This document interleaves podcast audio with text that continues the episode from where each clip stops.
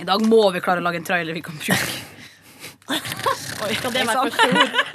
Det her klipper du til sånn som du vil, Ja, Sigrid. Du må gjerne ta det med for liksom å høre litt hvordan ting eh, fungerer. Vi tar det med, da. Ja, jeg kan godt ta det med. Men eh, offisiell start er Velkommen til P3 Morgens podkast for eh, Den 11. januar 2013. Gratulerer mutter'n med dagen. Gratulerer jeg tror ikke hun hører på podkast. Vet du hva, Hvis mora di hører på podkast, blir jeg litt flau, for jeg føler at jeg har snakka så mye drit på denne podkasten. Ja, nei, jeg tror ikke hun hører på Sex og podkast. drikking Ja. og Ja. Ja, det er ikke måte på. Det er mange andre mødre som hører på podkasten, Silje. Er det det? Ja, sikkert. Det er bra, det. Kan vi moderere Eh, oss litt? Ja. Eh, I dag har vi hatt besøk av altså Først så må jeg si at eh, Ronny Brede Aase er ikke til stede. Han er i utlendighet med, et, med en konkurrerende mediekanal. Ja. Eh, der vi kan se han Han har ikke fått så ny jobb, han er bare gjest på et lite prosjekt som eh, skal gå på TV 2 en eller annen gang. Mm. Eh, og så eh, har vi hatt besøk. Vi har hatt besøk av eh, Synnøve Makoli Lund.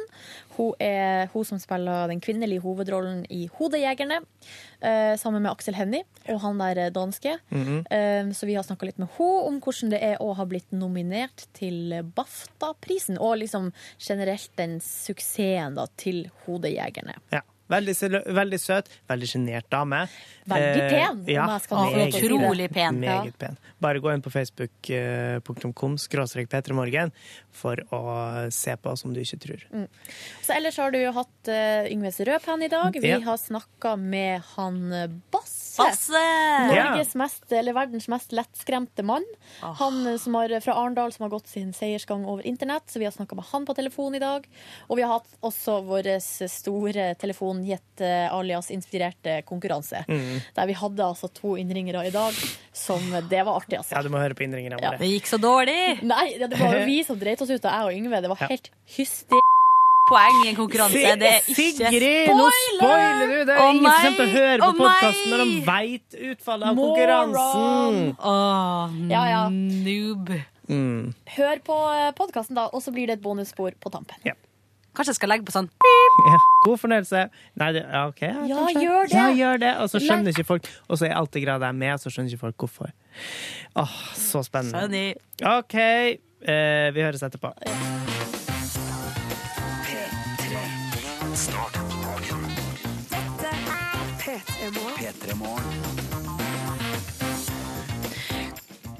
God fredag! God fredag, alle sammen!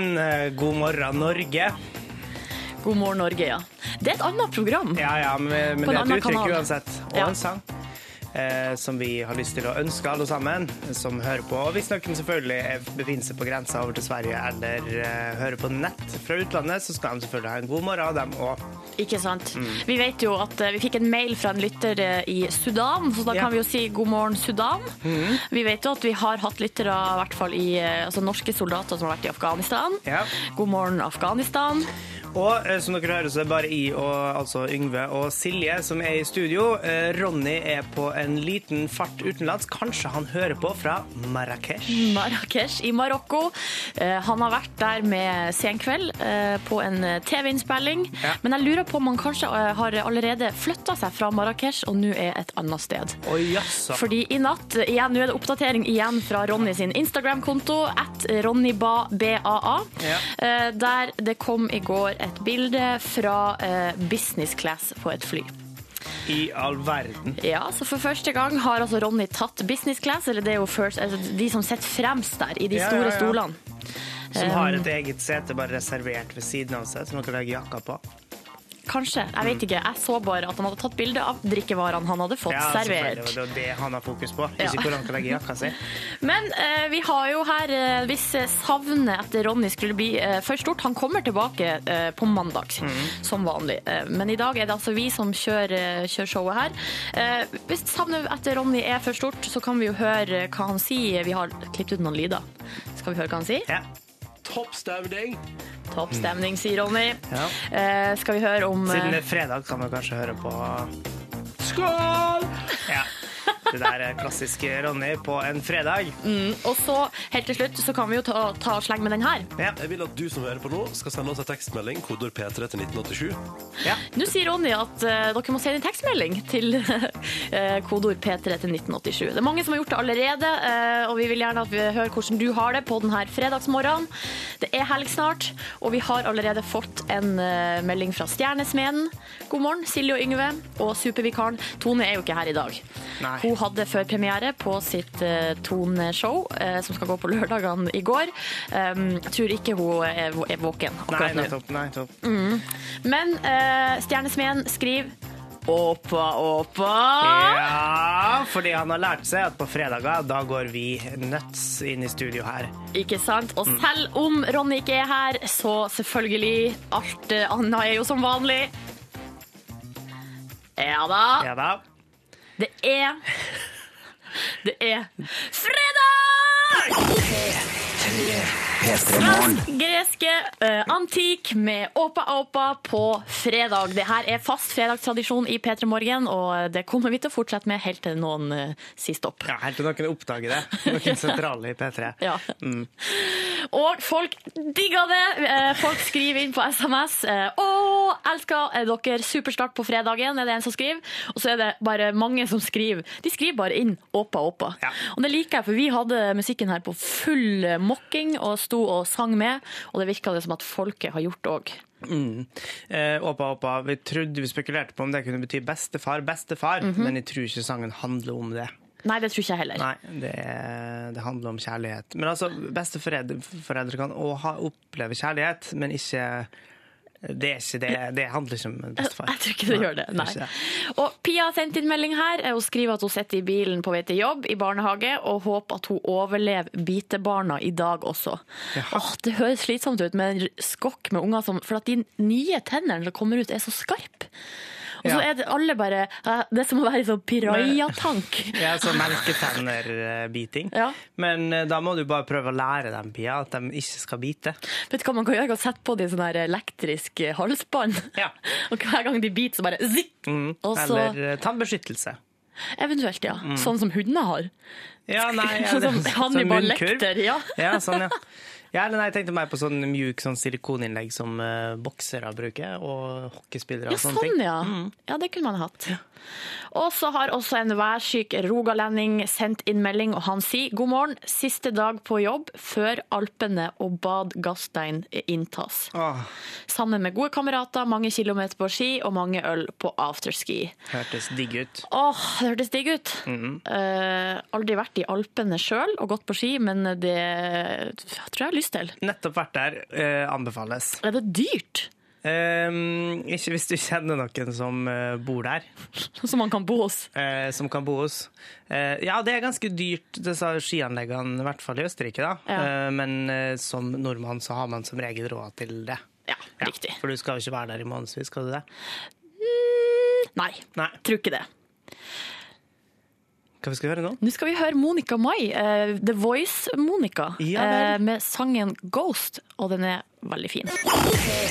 P3morgen. Dr. Dre pluss Eminem med Forgot About Dre, en liten klassiker der. Ja. Moderne klassiker. Ja. Eh, Dr. Dre, det han tar i, blir jo alltid bra, eh, nesten, uansett hvem han jobber sammen med. P3 Morgen er i gang. Klokka er litt over altså kvart, kvart på sju, eh, og vi skal se på dagens aviser. Ja. Yngve, det er en stor nyhet. Kom i går. Handler om norsk film. Ja, Den fyller tre av tre forsider, altså både Aftenposten, VG og Dagbladet skriver om eh, Kon-Tiki-filmen som har blitt Oscar-nominert, eh, altså i kategorien beste utenlandske film.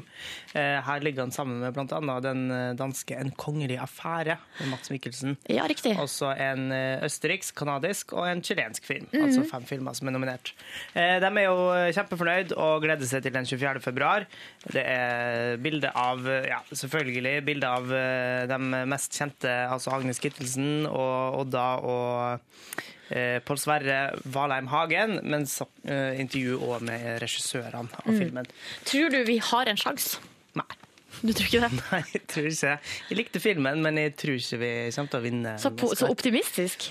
Eh, nei, men altså, hvis de skal tro noe altså Vi kan jo selvfølgelig håpe at Norge vinner, Ja. men ehm, For det er liksom ingen For det var jo ingen som trodde at de kom til å bli nominert heller. Og Nei. nå har de jo blitt det, så ja, altså det er jo en eh, Det var jo en eh, veldig visuelt eh, kul film. Altså, jeg likte jo å se på filmen, mm. så kan godt hende at eh, det overbeviser. Ja. Jeg ser jo her også på lista at eh, den ene av de andre filmene som er nominert, 'Amor', um, som er eh, nominert i beste utenlandske film, den Ja. er også nominert i den andre kategorien beste film. Ja. Uh, jeg vet ikke om det kan være en slags sånn der, uh, et lite tegn på at kanskje den uh, er i, i på en måte er sånn eh, Hva heter det? Ja, At den eh, er Spå- sånn favorittmarkert. Ja. Ja. han er jo det, eh, åpenbart, ettersom han er nominert flere plasser. Ikke sant? Mm. Uansett, Eh, Østerriksk film, aldri sett. Den er visst skal være veldig bra. Ja. Men uansett um, Lurer på hva den handler om. handler om to eldre mennesker der hun ene ligger for døden. Vet du hva? Jeg hadde tenkt å se den filmen, så jeg kan masse om den. Ja, ok. Men- tenkte sånn er morsomt, det som heter Amor. det handler om kjærlighet, da. Ja, det gjør det. Mellom to mennesker. Ja. Men uh, de er jo på vei nå til Golden Globe. Det er på søndag Golden Globe, uh, og der er også Kon-Tiki nominert. Og uh, det kan jo kanskje gi en liten pekepinn. Hvis vi vinner der, Ja. så kan det hende at Oscar også dras i land. Jeg vil få sette fokus på at jeg håper at vi vinner. Ja. Også en annen sak eh, som er på forsida av eh, Dagbladet her. Eh, Therese Johaug får refs eh, fordi at hun har en skidrakt med eh, det norske flagget på rumpa. Ja.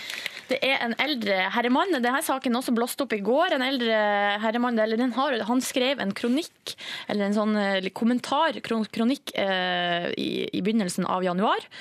Knut Korseth han er 80 år og er æresmedlem i Norges idrettsforbund. Og Han mener at det å ha en skidrakt lagd av det norske flagget, der på en måte, på en måte selve korset liksom er over rumpa, Ja. det går ikke an. Nei. Tenk hvis man detter, da detter man med rumpa Ja, rett på Jeg flagget. tenker Hvis man skulle la, uh, slippe vind i løpet av eh, ja. Og så står det her at, eh, at han er jo en eldre herremann, og at Mm. han før han hadde sendt inn denne kronikken, så ga han den til barnebarnet sitt på 19 år eh, for å høre hva han syntes. Og da eh, sa barnebarnet dette er vel greit, morfar. Friske takter, men det er ikke sikkert min generasjon tenker det samme som deg. Nei, for det var han der morfaren her, Knut, var det han? Knut, ja. Ja, han hadde jo også reagert på bare det å plukke med seg flagget på vei inn. Det, det å synes han var for dumt. Det skal Mm. Ikke man sant? ikke gjøre. Å drive og, og vifte med flagget før man går over mållinja og sånn. Men jeg, føl- jeg har jo eh, veldig stor respekt for flagget, men det er et eller annet med at jeg kjenner at det er ikke sånn at det, akkurat det her liksom river i meg, av at jeg blir så agre- agre- sint og Nei. tenker det her er helt hårreisende. Jeg tror den der nye generasjonen som barnebarna snakker om, er Ja. jo dem som eh, bruker flagget til å feire med, og ikke til liksom å markere høytiden nødvendigvis. Sånn, ja, ikke sant? Mm. Du er inne på noe der, Yngve. Det var uh, det viktigste. I hvert fall det vi syns var artigst å prate om Ja. på dagens aviser. Nå er det Lana Del Rey med 'Ride'. P3. Lana Del Rey med 'Ride'. Jeg syns det er en av de fineste sangene til Lana Del Rey. Ja, eh, men det er ikke den morsomste tittelen, for den morsomste tittelen er Video Games. Ja, For da tenker tenkte du på Super Mario, Sonic. Eh, nei, da tenker jeg mer på, eh, på Need for Speed og Fifa og sånne ting. Mm. Riktig. Fight Night, kanskje. Klokka er eh, fem på sju. Du hører på P3 Morgen med Silje og Yngve, og eh, SMS-innboksen vår den er åpen som vanlig. Eh, Jeg sier sånn som eh, Ronny bruker å si. Skal vi se hva Ronny bruker å si? Jeg vil at du som hører på nå, skal sende oss en tekstmelding, kodord P3 til 1987. Og det har vaktmesteren gjort. Han sier kjære programverter. Be deres overjordiske kontakter hjelpe Liverpool å ydmyke United grenseløst på Old Trafford i helga. Smilefjes. Og eh, vaktmesteren, det, jeg vet ikke om kanskje, det må i så fall Yngve ta seg av, for at jeg er jo eh, United-fan. Ja. Dessverre. Jeg For deg. altså, hvis, de, hvis de noen gang skal få noen av mine overjordiske kontakter til å gjøre et eller annet, Mm. så bruker de ikke opp den sjansen nå på United Liverpool. Det gidder ikke. Det Men eh, jeg kan selvfølgelig håpe, sånn som jeg gjør med Norsk Oscar, at jeg håper at eh, United ydmyker Nei, at Liverpool ydmyker United på Old Trafford i helga. Ikke det skal sant? jeg gjøre, vaktmester. OK, bra. Da har vi ordna det. Og så er det Martin. Han har en kommentar til den saken vi snakka om i stad, om det norske flagget på rumpa til Therese Johaug. Ja. Han skriver eh, kommentar til denne 80 år gamle bestefaren. Vi er jo stolte av flagget vårt og vil at andre skal se det. Men når konkurren andre konkurrenter bare ser bakdelen, er det å ha flagget overfor rumpa greit. Ikke Ja. sant? Ja. Dessuten er Therese ganske sexy bak. Hilsen Martin. Ja, ganske frekk der, Martin. Kanskje det er derfor hun bruker det ja. Eh, Men det tror jeg bestefaren sa òg, at de er flotte å se på så her, men de må ha respekt for flagget. Ikke sant? Og jeg tror at Therese hun går med den drakten fordi at det er laget sin drakt, Ja. og sponsoren har sagt at hun skal gjøre det. Ja. Så får vi se hva som skjer med drakten eh, senere. Nå eh, på P3 Morgen, Radioactive med Imagine Dragons. Dette er Radioactive av Imagine Dragons her på P3 Morgen. Og eh, nå når klokka akkurat har eh, blitt syv, eh, neste halvtimen så skal det bli konkurransetid her på P3 Morgen. Da skal vi kjøre den her eh, telefongjettekonkurransen eh, en gang til, eh, alias inspirert. Og så skal vi spille masse bra musikk, bl.a. noe jeg gleder meg vilt til å spille nå på fredagsmorgen, Will I Am pluss Britney Spears med Scream and Shout. Men aller først så er det nyheter. Og de er det du, Sverre Lilleng, som eh, gir til oss i dag. Og dere er ikke helt ferdig med Kon-Tiki eh, der hos dere. Nei, for vi har sjekka hva ei som er med på å bestemme hvem som vinner i juryen, eh, synes om filmen. Jeg synes det var helt fantastisk, og jeg ble så glad. Det har den filmen ærlig fortjent. En flott film. Liv Ullmann, som sitter i Oscar-juryen, er knallfornøyd med at Kon-Tiki ble nominert i går. Den norske filmen kjemper mot fire andre i klassen for beste fremmedspråklige film. Ullmann kan bli sparka fra juryen hvis hun avslører hvilken film hun mener er best. Vi har ikke lov til å si hvem vi stemmer på, men jeg hadde en utrolig begeistring inni meg mens jeg så filmen om Thor Høydahl, Så disse flotte skuespillerne, regissørene. To lærere kan ha redda mange liv da de overtalte en 16-åring til å legge fra seg hagla si på en skole i USA i går. Gutten hadde nettopp skutt en annen elev på skolen i Taft i California, og han er nå kritisk skada. Lærerne klarte å roe ned skytteren, sånn at alle de andre elevene kunne rømme fra klasserommet. Skytinga skjedde under en måned etter at 20 barn og 6 voksne ble drept på en skole i Newtown i Connecticut. Det blir flere og flere skipsulykker. Det har ikke vært like mange på 15 år. På de siste sju åra har det blitt dobbelt så mange grunnstøtinger, og de fleste skjer fordi folk om bord gjør feil, sier los Hans Jakob Liljebjelke. Det er lite folk i forhold til hva det var på skipet. Mange av ulykkene skjer jo pga. at folk sovner. Og det er kortere utdannelse og mer intensive utdannelser nå enn det var før. Tarjei Bø nærmer seg toppform før VM i skiskyting.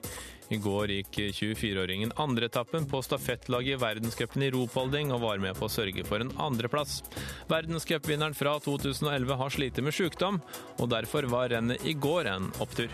Ja, Det betyr veldig masse for meg sjøl. Andre folk bryr seg sikkert ikke så masse, men for meg så er det en seier i seg sjøl etter alt det har vært igjennom. Det har gått veldig tungt og to skritt fram og ett tilbake hele veien. Så det er veldig godt å vise at jeg går litt oppover trappa, da, men det er et stykke til jeg er på toppen. P3 Nyheter fikk du av Sverre Lilleng.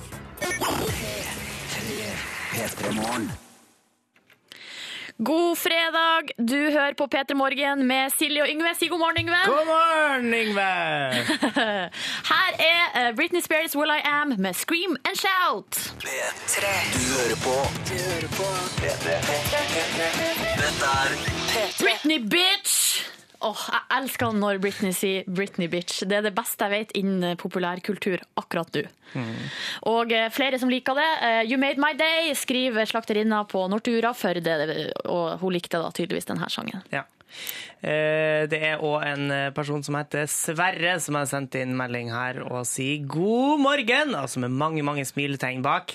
Og så syns han at det er veldig herlig å høre på P3 Morgen på vei til jobb, men vi syns det er herlig å lage radio for det òg, Sverre. Ikke sant? Og så ønsker vi det og ei strålende helg, og så må vi hilse til Anne-Berit, som sikkert er dama til Sverre, Mm. der det står PS elsker deg. Anne-Britt, var det? Anne-Britt. Anne-Britt. Blink, blink. Men elsker vi også Anne-Britt? Eh, på et eh, altså radioprogram lyttermessig nivå. Ja, Mhm. så gjør vi det. Aldri møtt Anne-Britt, så kanskje det er et veldig sterkt ord. Det Ja. å elske. Og så et siste innlegg i denne flaggdebatten som har gått, fordi at Therese Johaug har blitt dratt fram som en av dem som har altså, det norske flagget på drakten sin og over rumpa. Eh, Og det her er det kjøpmannen på 23. Han skriver vi er stolte av flagget, og vi er stolt av Johaug. Og det å sitte klistret på rumpa til Johaug må være en ære i seg selv. Vi lar sagt, det, skal vi la det, ja, vi lar det bli siste ord? Ja, jeg syns det. Ok.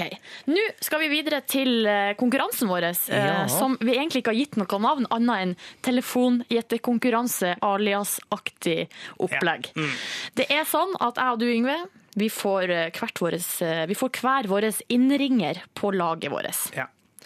Og så får vi hver vår liste med Mhm. kjendiser som vi ikke har fått sett på ennå. Det er litt spennende å komme på jobb om dagen, for nå ligger det alltid et, eh, en lapp framme der det står Silje, og en der det står Yngve på.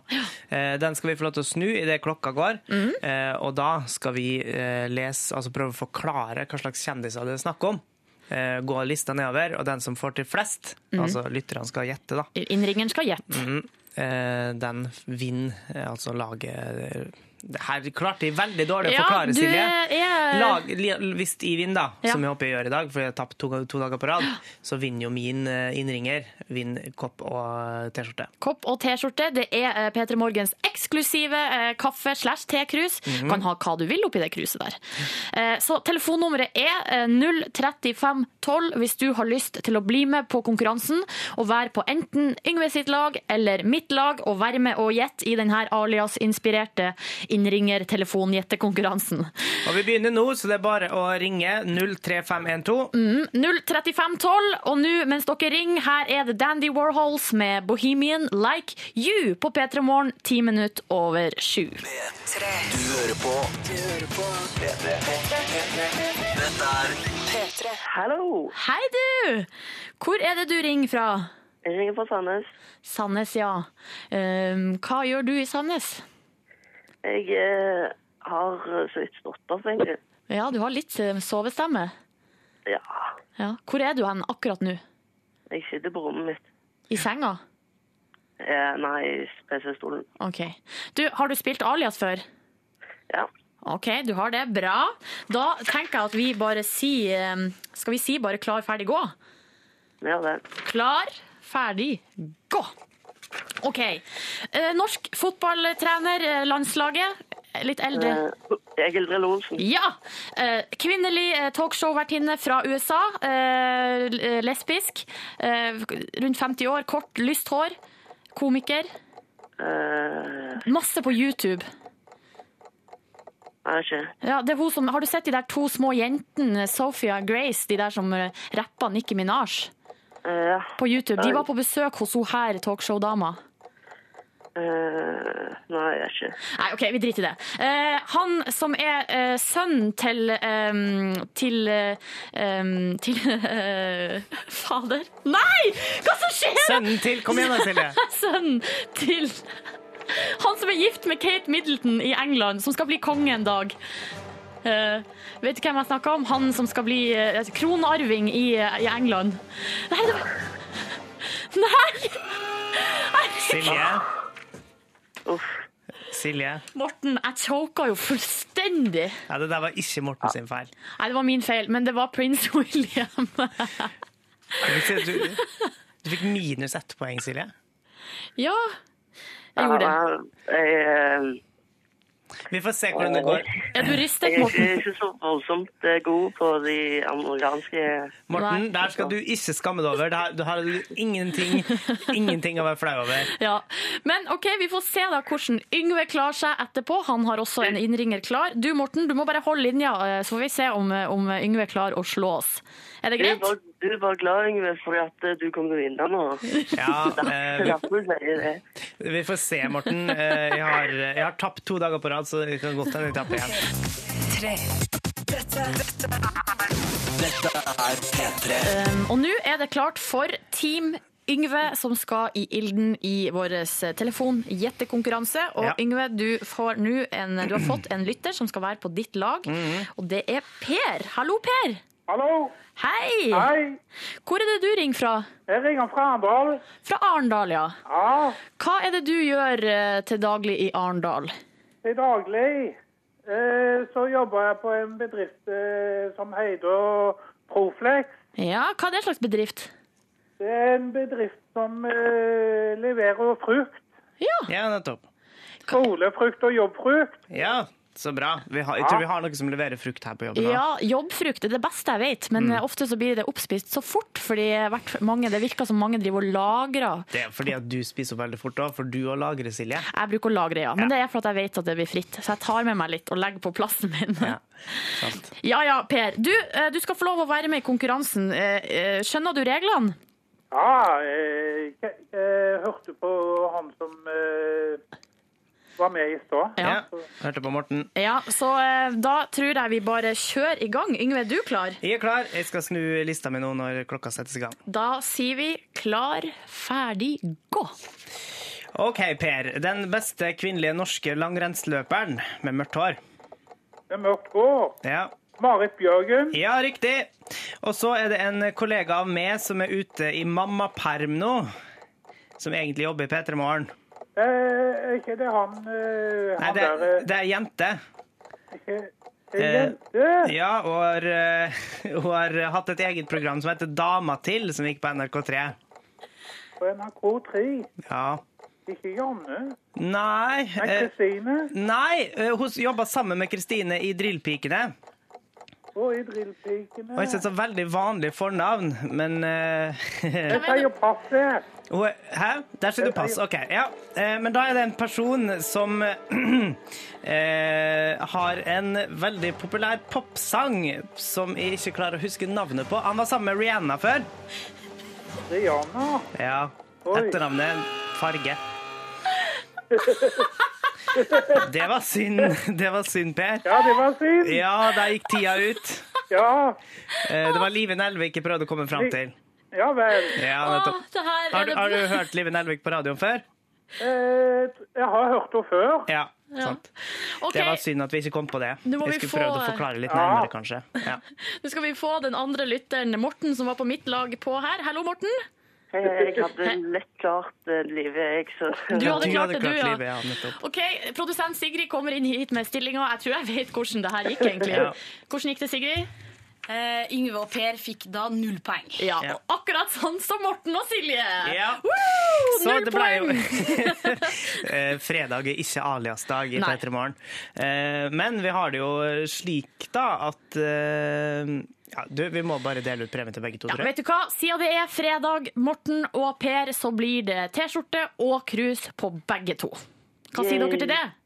Yay! Yay! Kjempefint! Da må begge to Veldig bra, Per. Du, da må begge to holde linja, slik at vi får notert ned adressa deres. OK, Ja, det supert. kan vi gjøre. Ja, Ja, takk fint. for innsatsen, begge to. Og god Takk for at jeg fikk lov til å komme inn. Jo, så bra. OK, hold linja, da. Ja, nå Oi, jeg bare Ja. OK, nå Disclosure med Latch på P3 Morgen. Røyksopp og Susanne Sundfør på P3 Morgen med 'Running to the Sea'. Og nå når klokka er sju minutter over halv åtte. Yngve, Ja. hvordan går det her? Det går kjempefint. Jeg er så glad i den sangen. Det er veldig sånn vintersang. Man leter alltid etter eh, litt sånn sesongbaserte sanger. Dette er en vintersang for meg. Ja. Ja. God morgen til deg som hører på. Jeg håper du også likte denne sangen som vi nettopp har spilt, og håper du har en fin fredagsmorgen. Du, eh, jeg hører nå på Yngve og Siljes hjemme alene-fest, mens Ronny er ute på en liten businesstur. Han har vært i Marokko med Sen kveld, Ja. eh, på en eh, litt sånn hemmelighetsfullt oppdrag. Ja, men jeg tror det er noe vi kan få sett på TV en eller annen gang da, i løpet av 2013. Ja, det, Mm. bare, det tror jeg også. Jeg har en mistanke om det. Eh, og ellers eh, så eh, skal vi spille masse fin musikk denne halvtimen. Mhm. Vi skal høre ny singel fra Kvelertak, og vi skal spille Frank Ocean. Og så skal vi nå aller, aller først spille en sang som du gleder deg masse til å høre. Ja, The Arcade Fire med sangen No Cars Go. Det er en av sånn, uh, før jeg begynte å jobbe i P3. Eller det var kanskje akkurat idet jeg så vidt hadde begynt å jobbe i P3, så spiltes den sangen her veldig mye. Mm. Uh, Så det var liksom en sånn P3-låt for meg før jeg ble kjent med kanalen sjøl. Hvor gammel var du på det her tidspunktet? Da var jeg kanskje 24 år, da. Kan alle se for seg en eh, ung uh, Yngve Hustad Reite? Helt ny i P3. Litt sånn uh, sjenert kanskje, nervøs. Mm. uh, men spent på det som nå skulle skje. Ja. Og, og proppfull av sjøltillit. Det er rart det der hvordan de to tingene går hand i hand. Her er Arcade Fire med No Cars Go på P3 Morgen. på Du hører på Og P3. de som ikke hadde våkna allerede, jeg regner med at dere gjorde det nå. Det var uh, ny singel fra Kvelertak. eh, 'Bruane brenn', første smakebit fra nytt uh, album som kommer litt senere i vår. Nå, Yngve Hustad Reite, skal vi snakke om en uh, sensasjon, syns jeg da, Ja. personlig. Dette er en stor, stor nyhet. Fordi du husker han eh, Basse, lettskremte Basse. Lettskremte, vettskremte Basse. Ja, eh, fra NRK, reportasje på NRK Sørlandet, var det det? Ja, Mhm. som gikk som en farsott før jul. Han er altså noe med det mest lettskremte og har en så deilig, deilig latter. Det er et veldig artig det er en artig reportasje som blir lagt ut på YouTube, eh, og har jo ført til at det er blitt en sånn såkalt klikkvinner, eller gått nesten viral. Mhm. Spredt seg rundt fordi at den reportasjen er så artig. Og så har det endt opp med det aller, aller beste som kan skje eh, hvis du er stjerne på internett. Man kommer på Ellen DeGeneres show. Jeg elsker Ellen DeGeneres så mye. Jeg får ikke sagt det. Men det er jo helt irrelevant, egentlig. Men uansett, eh, hun er det er et av de mest sette talkshowene i, eh, i USA. Og der, eh, her om dagen, så kunne vi høre følgende. Here's something else I found online I want to share with you. This is a video. It's a guy from Norway, and uh, people say he is the most easily scared man in the world. Dette er historien om et eh, noe uvanlig arbeidsmiljø.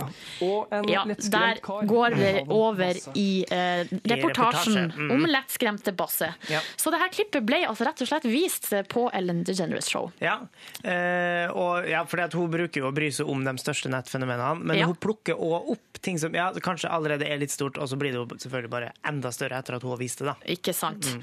Eh, og eh, for de som på en måte kanskje ikke har sett denne reportasjen, eller sånn, så tenker jeg vi må bare høre et lite klipp fra Basse som blir skremt, og det er kostelige saker, altså. Jobben min den går ut på å kopiere og printe og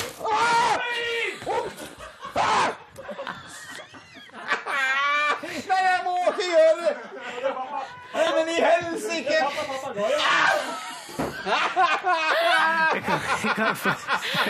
Forklare hva som skjer på klippet. Han sitter, for, han sitter og snakker med reporteren. Ja, og så bare detter en, eh, en sånn papegøye-kosedyr, eller en sånn figur, som bare detter ned på pulten hans, og da holder det. Altså, da, da skjer det vi nettopp hørte. Og da havner da- Basse på gulvet Mm. og ligger der og skriker av latter. Og ikke bare er han lettskremt, han er jo i et fryktelig godt humør også, da.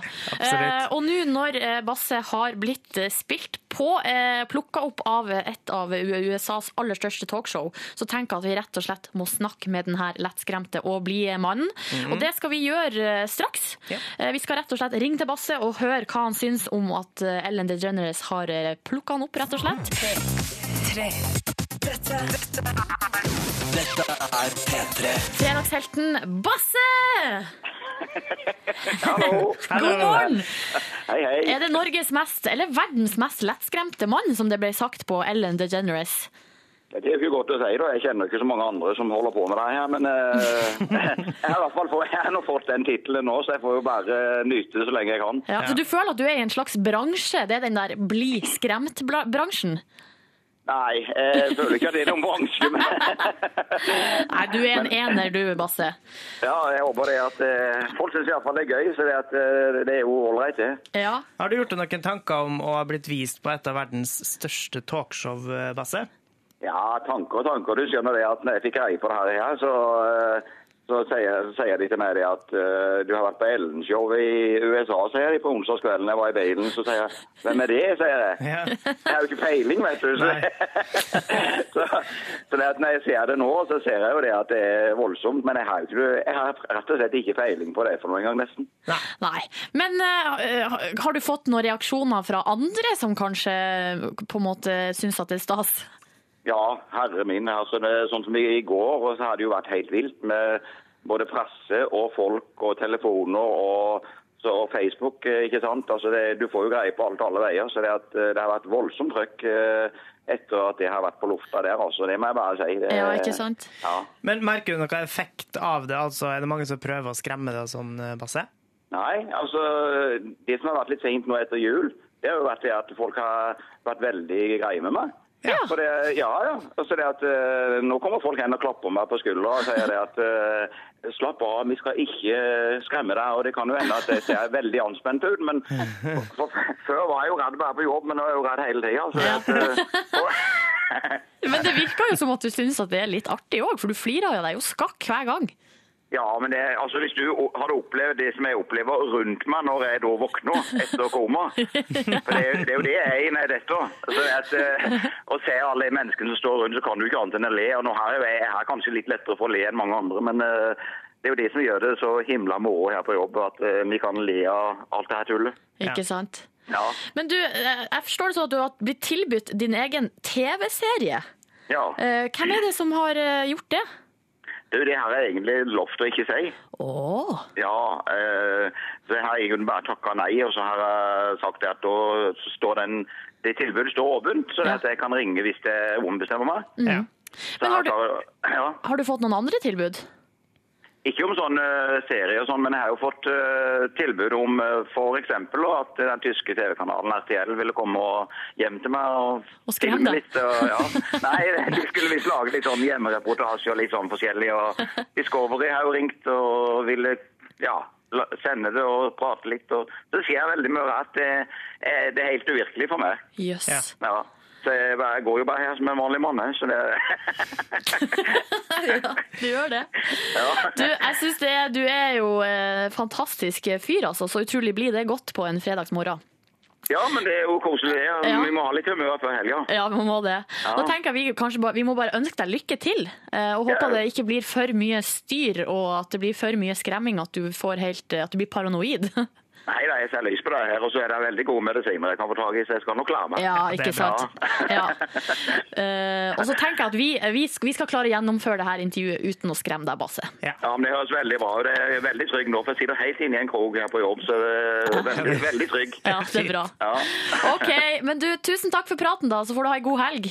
Ja i like måte. Ha det godt. Ha det. Hei. P3. Det er litt sånn fredagsstemning her hos oss. Uh, Yngve, du er her i lag med meg òg. Ja, det er jeg, og jeg ønsker alle sammen god morgen. Ja, det er Silje og Yngves hjemme alene-fest, fordi Ronny er ute på en liten eh, businesstur. Og nå har vi fått besøk i studio av Synnøve Makodi Lund. Hallo. Hallo, velkommen hit. Veldig hyggelig at du har lyst til å Du er litt trøtt, sier du. Åh, ja. ja jeg, jeg har hele jul og dette her styret her, og barn som er ikke i barnehage og sover til langt utpå dag. Ja, Pluss at jeg sitter og skriver. Så jeg, liksom, jeg begynte, merker liksom allerede på mandag at jeg begynte å grue meg til denne fredagen. Å, ja. Litt sånn BCG. Nei! Beklager. Ja. Det må vi bare unnskylde, altså, at vi dro Ja. det hit. Men vi skal Nei, prøve å gjøre det hyggelig. Ja. Du, eh, eh, hovedrolle i eh, Hodejegerne. Det er der vi liksom kjenner deg liksom fra mest. Også Kvinnelig hovedrolle. Ja.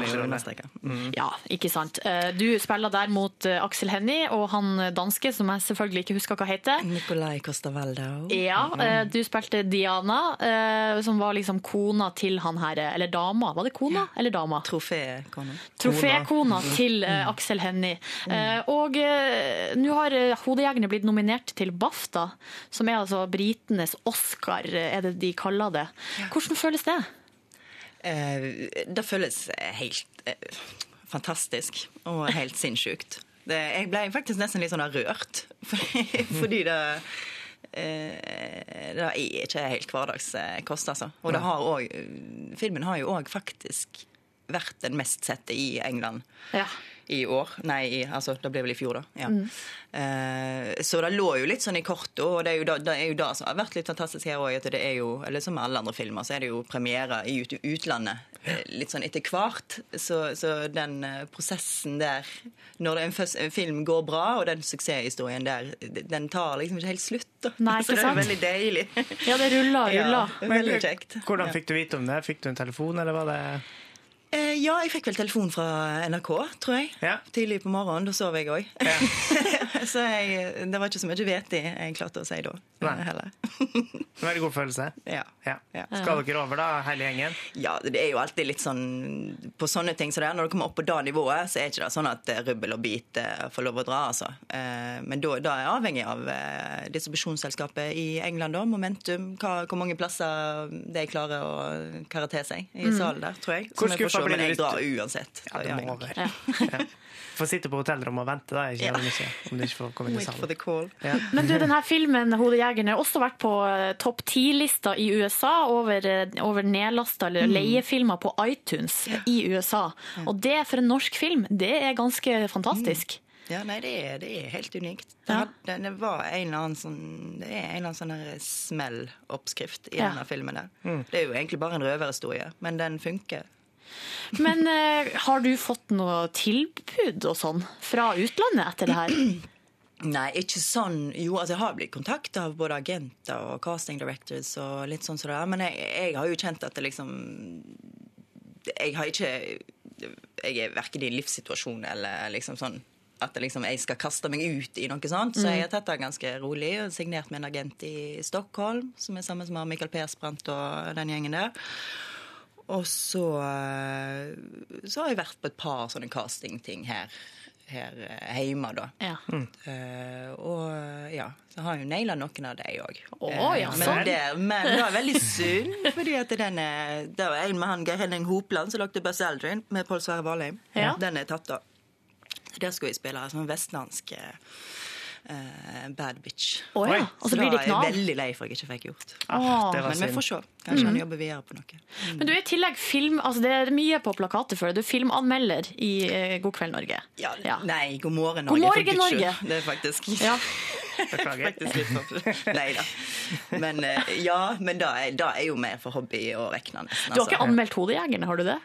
Nei, da kunne Det kunne vært artig, da. Da- Men jeg har jo anmeldt de fleste filmene til Morten Tuldum. Det har jeg. Så Ja. heldigvis hadde jeg gitt han femmere eh, hele veien. Er Ellers hadde jeg vel ikke blitt kalt inn på casting. Og i tillegg så har du jo laga dokumentarfilm. Mm. Du har lagd den her eh, 'Seile sin egen sjø', som var en dokumentarfilm om eh, Kon-Tiki. Både den nye og den gamle Kon-Tiki. Ja. Eh, Så du var jo med på en måte, hva skal jeg si da, backstage. Ja, jeg var, jeg var liksom på tur i sånn voksen leirskole, følte jeg, Ja. i, eh, i tre måneder. Med crewet bak Kon-Tiki. Ja. Og nå er de nominert til Oscar og Golden Globe. Kjenner du litt på det òg, liksom? Ja, jeg tror hadde jeg visst at den ble Oscar-nominert eh, når jeg ble spurt om å følge denne innspillinga, så hadde jeg vel ikke tørt å ta i det en gang. Ikke sant. eh, så da tror jeg bare var bra. Men er det er en da- sånn uh, Macody Lund-touch på norske filmer nå som gjør at man blir nominert? Kanskje det, da. Jeg Ja. føler meg som en liten baby. Nei. Nei, det er nok ikke det. Jeg er veldig Jeg føler meg Det er jo liksom sånn Akkurat med Kon-Tiki så føles det eh, som sagt egentlig litt som at du du har fått lov å kose deg i eh, et halvt år. Vi har jo jobba Når jeg sier at det var leirskole, så var det leirskole i tre måneder. Men det var hardt arbeid, og ikke minst hele den sommeren etterpå. Ja. Eh, Så har jo jeg og min makker Kalle Råbe jobba, jobba, jobba for å få klar den, eh, den filmen. Mm. Så det har vært hardt arbeid, men det, det føles allikevel litt sånn som å få diplom for at du har, vært, Har hatt det gøy. hatt det gøy. Ja. Den her, fil- den dokumentaren 'Å seile sin egen sjø' den ligger på nett-TV, NRK nett-TV. eh, Så den ligger der til eh, Den er nettopp blitt sendt. Ja, for den ble sendt i går. Ja, så da ligger den i ti dager eller hva det er Ja. ute på nett-TV. Så det er bare å sjekke det ut hvis man ikke har sett det. Og så tenkte vi, siden du nå eh, Det er mye sånn awards, awardshows, og da er det jo, eh, da er det jo mye sånn kjente takketaler og sånn som har vært opp gjennom historien. Så da, Synnøve, tenkte vi at vi skulle quize deg litt i en awardshow-quiz. Oh, jeg kommer til å gjøre det veldig dårlig. Nei da, det skal vi gjøre straks. Men først uh, skal vi høre litt musikk. Her er Churches med The Mother We Share. P3. Du hører på. Du hører på. P3. Dette er Churches med The Mother We Share her i P3 Morgen. Yngve og Siljes hjemme alene-fest. Kvart over åtte er klokka, og vi har besøk av Synnøve Makodi Lund. Kvinnelig hovedrolle i, uh, i Hodejegerne, som nå er nominert til BAFTA. Og har også lagd dokumentar og hengt med crewet om, om liksom, produksjonen av Kon-Tiki, som nå er nominert til Golden Globe og Oscar. Du er nå eh, omringa av liksom, internasjonale prisutdelinger, Synnøve. Så ja. da tenkte vi at vi skulle kjøre en liten quiz på deg. Kjenner du igjen prisutdelingsøyeblikkene? Er du klar? Eller klarer du å gjette dem da, hvis du ikke kjenner dem igjen? Du ser litt skeptisk ut. jeg, å, ja, jeg hater quiz. Ja, men det, du, du kan bare tenke at nå skal vi høre på noen morsomme klipp. Ja, eh, og så kan du det eh, forberede deg på uh, takketale, eventuelt. Når Hodejegerne vinner BAFTA-pris. For det kommer den til å gjøre, ikke sant? Nei. Jo da, Jo. jo da, nå må du ha trua på deg sjøl. Det er fredag, og du har ingenting å tape. Ja, ok. Vi går rett på spørsmål én, og da er det, skal vi høre eh, Ricky Gervais introdusere en, eh, en kjent skuespiller. Hvem er det han introduserer her? He's the star of Iron Man, Two Girls and a Guy, Wonder Boys. Sorry, these porn films. What? Kiss, kiss, bang, bang. Bowfinger. Really? Yeah. Up the Academy. Come on. Ricky Gervais der. Hvem var det han introduserte? Stjerna fra Iron Man. Oh, Rob oh. Ja, du er inne på det. Han som spiller Amadeus. Godt mulig. Ja. Er det det? Jeg vet ikke. Nei, jeg tror ikke det er sånn. Er det det? Ja, Yngve, det er ikke du som er med i quizen. Du var inne på et riktig fornavn. Ja, Robert Downey jr. Ja! Ett poeng til Synnøve veldig Lund. Fint ut av at det ikke var han som spilte Amadeus. Ok, så er det spørsmål eh, tre. Hva førte da Nå skal vi få høre et utdrag fra en takketale. Hva eh, ble konsekvensen av det her til slutt? Tusen takk. Um, um, jeg er først og fremst artist, og ikke først og fremst kvinne. Tusen takk. Ja, hvem var det vi Kjenner du igjen det her? Susanne Sundfør. Ja. da. Det stemmer, det. Det er to poeng til Synnøve Makodi Lund. Men, skal vi, men hva førte Men det hva til? Ja, hva det førte til? Nei, det ble jo en debatt var ikke Ja. det, i, etterkant av uh, Spellemannsprisen. Ja. Av hvorvidt en skal ha uh, kvinnelige og mannlige kategorier. Og hva skjedde med kategorien eh, i år? Er det blitt én? Ja! Ja! Der fikk du Der var det to poeng til Synnøve Jeg sitter med på kottet og skriver. Okay. Jeg har ikke lest ei avis. på. Så det betyr at når dere skal holde takketale eh, i London, regner jeg med det er, eh, for når dere har vunnet BAFTA-prisen, så må være forsiktig hva dere sier, for det kan eh, få konsekvenser. Ja, Eller hvis man har et, hva skal jeg si, en visjon, så kan man jo endre ting da, i takketalen. Vi går videre. Spørsmål tre. Hvem deler livsfilosofien sin under denne takketalen? and I'm going to use this opportunity the way that I want to use it. What I want to say is, um, everybody out there that's watching, everybody that's watching this world, this world is bull. And you shouldn't model your life. Wait a second. You shouldn't model your life about what you think that we think is cool and what we're wearing and what we're saying and everything. Go with yourself. Jøss, navn! Her var det noen som brukte, ja, absolutt brukte muligheten til å uh, ja, få sin stemme hørt. Ja, jeg har ikke peiling. Nei. Vi skal, vi skal over til en artist. Ja, det er ikke en skuespiller. Det var ukjent for meg, det her òg. Ja. Men uh, vi kan bare si at det her var altså artisten Fiona Apple som rett og slett ranta når hun skulle si takk for pris. Da går vi rett videre til siste spørsmål, uh, og da er det Hvilken norsk politiker presenterer Paperboys som vinnere sammen med Mariann Thomassen under Spellemannprisen i 2003? Da skal vi altså fram til en politiker. Og vinneren er Paperboys! Det var ikke Ekises som vant, sånn som publikum tydeligvis hadde lyst til. Hørte du hvem politikeren var? Eh, jeg syns hørtes ut som Jens. jeg. Ja! Yes! Det var Jens! Jens! Så vi var litt sånn på fornavn. Ja. Jenseren, ja. Du er på fornavn med statsministeren. Blir jo det nå, da, når dere vinner BAFTA-prisen.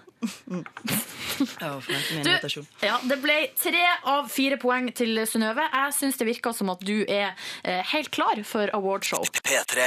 Fatboy Slim med Praise You i P3 Morgen fem på halv ni. Eh, Vi har besøk av Synnøve Makodi Lund fra Hodejegerne og dokumentarfilmskaper, modell, snart forfatter.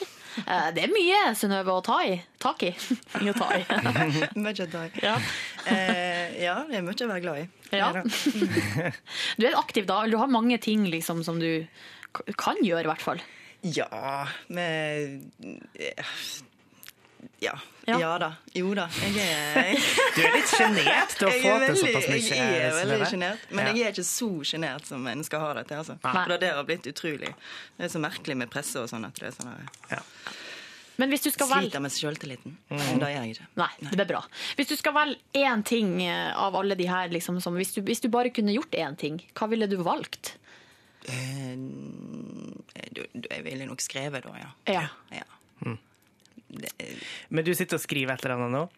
Ja, jeg sitter, men nå er jeg var på lunsj med Henrik Langeland. Jeg, jeg, jeg fikk forståelse, for jeg posta jo denne, veldig stolt denne kontrakten jeg hadde skrevet med Samlaget på Facebook. Og da forsto jeg at det var veldig dårlig kutyme i forfattermiljøet. Oh, ja! Så jeg, jeg, det jeg er liksom måte. sånn at jeg, jeg skal ikke si mer om dette, merker jeg. Fordi at jeg legger, legger visst tydeligvis lista så høyt for meg sjøl. Ja. Men du får lov til å si at du skriver et eller annet. Ja. Men så er du litt ny i det her gamet, da må det være lov å tråkke litt feil. Jo, men Er det ikke helt greit å være litt annerledes enn alle andre? Jo, absolutt. Og så det var en ting jeg også skulle høre med deg, Synnøve. For hvis du googler deg på den engelske Google, så skriver man Synnøve Makodi Lund, så kommer det første forslaget er height. Altså hvor høy er Synnøve? Det lurer mange folk på. Ja. Eh, Kan, kan vi jo avsløre hvor høy du er? Jeg er ei 84 og en halv. Fordi 84 og søstera mi er ei 83, tror jeg, så det er veldig viktig at jeg er en og en halv centimeter.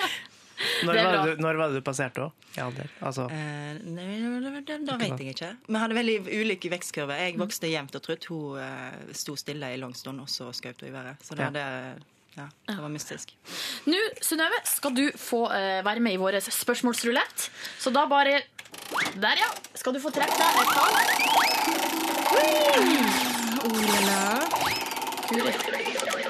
Nummer tre. Nummer tre skal vi høre her.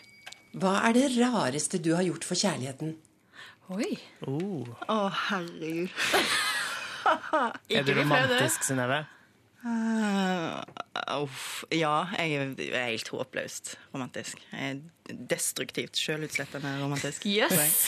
Men er du sånn som har klippet av alt håret og lagt det i senga til personen du elsker? og sånne ting? Nei Nei, uff. Jeg, har- jeg har gjort utrolig mange tragiske ting òg, tror jeg. Men uh, rareste Å, Gud.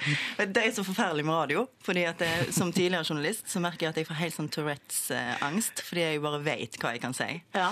Um, Men kanskje vi kan bare vi kan, ja, Vil du si det? Nei, altså, jeg tror det er kanskje bare sånn klassisk, klassisk ting som uh, å booke et fly sånn plutselig på strak arm og Oi. dra Ja, bare sånn dra, liksom. tidlig. Og ja, Ja. ta en vodka på flyplassen for å komme seg i, av gårde. Åh, det er godt med litt romantikk. Ja. det er bra. Du hører på Du hører på Dette er Veronica Maggio med Ja kommer på P3 Morgen. Åtte minutter over halv ni. Yngve og Siljes, Silje og Yngves Hjemme alene-fest! Og vi sier som Ronny, han er ikke her. Han har vært ute på en businesstur med Sen kveld. Nei, han har ikke begynt å jobbe der, Nei. Eh, men han eh, har vært på noe greier, da. Ja. Blitt kjendis. ja, blitt kjendis. Og vi eh, har klippet ut noen klipp med Ronny som vi kan spille av når vi savner han eh, som mest. Og vi kan jo bare høre hva Ronny sier. Toppstemning! Å, toppstemning og Klassisk Ronny-utrop der. Ja. Og eh, SMS-innboksen vår er åpen, har vært det i hele dag. Vi har fått en melding fra Sissel, som har altså noe av det groveste innen språkbruk. Oi. Men um, hun sitter her og lurer noe jævlig på hvordan hun skal komme seg på jobb. Isen ute er jo faen meg polert som en forbanna speil. Herregud. Altså, eh, det, og det blir verre. Ja. Men hun frykter altså at det her kommer til å gå rett til H. Ja. Punktum, Ja, punktum, du punktum. kunne si jævlig og faen. Men ikke det eh, siste og der. forbanna, men ikke helvete med æ. Ja. Mm. Så Sissel, eh, jeg vet ikke hva du skal gjøre. Det du kan gjøre er å ta en eh, pose med salt, og så kan du strø saltet foran deg mens du går. Ja, det kan du gjøre, Ja. Sissel. Går ikke det an, da? Jo, jo, jo. Vanlig bordsalt, liksom? Jo, men jeg tror at det, salt skal helst være der litt før, eh, før det funker. Oh, ja. For at det skal liksom smelte snøen. Ja. Men da får Sissel bare bli hjemme i dag, ta i egen melding i dag. Ja. Eller så kan du ta på det brodda, da. Mm. Jeg så en person med brodda i går, det så helt normalt ut. Gjorde det? Mm. Nå skal vi eh, straks spille Rihanna, men ta, vi må bare snakke bitte litt om Rihanna først. Eh, fordi uh, Følger du Rihanna på Instagram, Yngve? Nei, jeg følger bare folk, nesten utelukkende bare folk jeg kjenner på Instagram, og jeg kjenner ikke Rihanna, så Ja. Nei. Jeg gjør jo det, så derfor så følger jeg Rihanna. Ja. Nei da. Men hun driver og legger ut Det er jo mye bilder med lite klær, og så er det bilder der hun tydeligvis driver og røyker. ja. Eh, og det ser Ja, det er ikke Marlboro Light, for å si det sånn. Det er nok ikke eh, Marlboro Light, nei. Det ser mistenkelig ut som eh, joints. Jaha. Store eh, joints Ja. som hun driver og ligger og koser seg her i senga, og det kommer røyk ut av munnen eh, og sånn. Og så er det den her britiske artisten Jessie J. eh, Ja. Hun som har Price tag Jessie. Ja, Mm. Mm. Hun skrev på Twitter for noen dager siden Eh, Så skrev hun eh, Skal vi se, jeg skal bare bla meg ned til det. I'm bored. Maybe I should get naked and smoke and take pictures of myself and post them on, on Instagram. Or not. Prikk, prikk, prikk. Og så skriver hun rolls eyes. Altså at hun bare ruller øynene og bare Er det mulig? Og så går det noen timer, og så kommer det på eh, Rihanna sin Twitter-konto. Nei, eh, ja, på Twitter. Bitch! Don't kill my vibe. Skriver Rihanna det til Jessie J? Ja, og så skriver hun under Watch what you say to slash about people cause you only wind up dragging your skeletons out your own closet all while looking like a pussy. Så Rihanna, jeg vet ikke, det virker som hun er eh, Hun har Ikke. blitt så tøff nå at det er nesten så det blir rent for mye. Ikke bare eh, joint-puffende, men òg hårsår. Ja. Uh, ja. Tok takler ikke kritikk. Nei, ikke sant. Dette er P3. Og nå eh, skal Yngve oppsummere uka i vår alles favorittspalte, Yngves rødpenn. Det spørsmålet er dessverre ikke riktig besvart. Her er det skjebnesvangert å ta feil. Vi gjorde en feil, og menneskelig feil. Det, er ingen det må vi ikke glemme. Og Ja, Yngve! Ja, det er rød penn, og det er uke to, og det skal summeres opp feil og småting som har blitt eh, sagt i løpet av uka. Først og fremst må jeg bare beklage at okay. i, i går, da Tone Damli Aaberge var på besøk her og sa at hun hadde vært i Cape Town, så misforsto jeg det til å være at Cape Town lå på Cuba. Det må jeg bare beklage. Har du har du reist mye hvor- men, eh, i ditt liv? Jeg har reist en del. Ja, har det. Vært uh, rundt omkring på eh, hvert fall eh, tre kontinent. Ja. Fire kontinent. Tre, fire kontinent. Ja. Eh, men eh, der jeg, kan ikke forklare, jeg var sikkert full eller Ja. et eller annet sånt, og sa eh, Cuba. Men det er jo bra at du Yngve, har litt eh, selvinnsikt, sånn at Mm. ikke det blir en, et stein i glasshus-situasjon her. Ikke sant? Fordi nå skal jo du rette altså, fingeren mot meg da, og, Ja. og Ronny som ikke er her. Ja, jeg kan godt begynne med Ronny, ettersom han ikke er her. Eh, Det her skjedde på mandag. Det var en litt sånn oppstartstrøbbel, syns jeg. Den mesteparten jeg har, er fra mandag, 7. januar. Ja, eh, Der Ronny sitter og snakker om det her mens dere sitter og leser avisene, så snakker han om Petter Northug og hans eh, påståtte fiasko i, eh, i Tour Tour de Ski. Og det her er altså Ronny sin måte å trøste på. Jeg syns ikke det er fiasko. Fjerdeplass, det er jo topp, det, da. Fjerdeplass er ikke topp, sjøl om eh, altså, det går an å definere en topp, men topp det er førsteplass. Og så er det liksom eh, Ja. Alt som er nedom der, er ikke toppen. Men hva si er sånn. fjerdeplass, da? Fjerdeplass er en fjerdeplass. Det er, liksom, det er høyere opp enn femte, men det er ikke topp. Det er ikke på toppen. Eh, topp, altså det er, Mm. Litt kverulant, eller, i dag, ja, men sånn skal spalta være. Altså, okay. Jeg har vært for snill i 2012, og nå må vi begynne å virkelig, virkelig altså, trykke der det, der det merkes, da.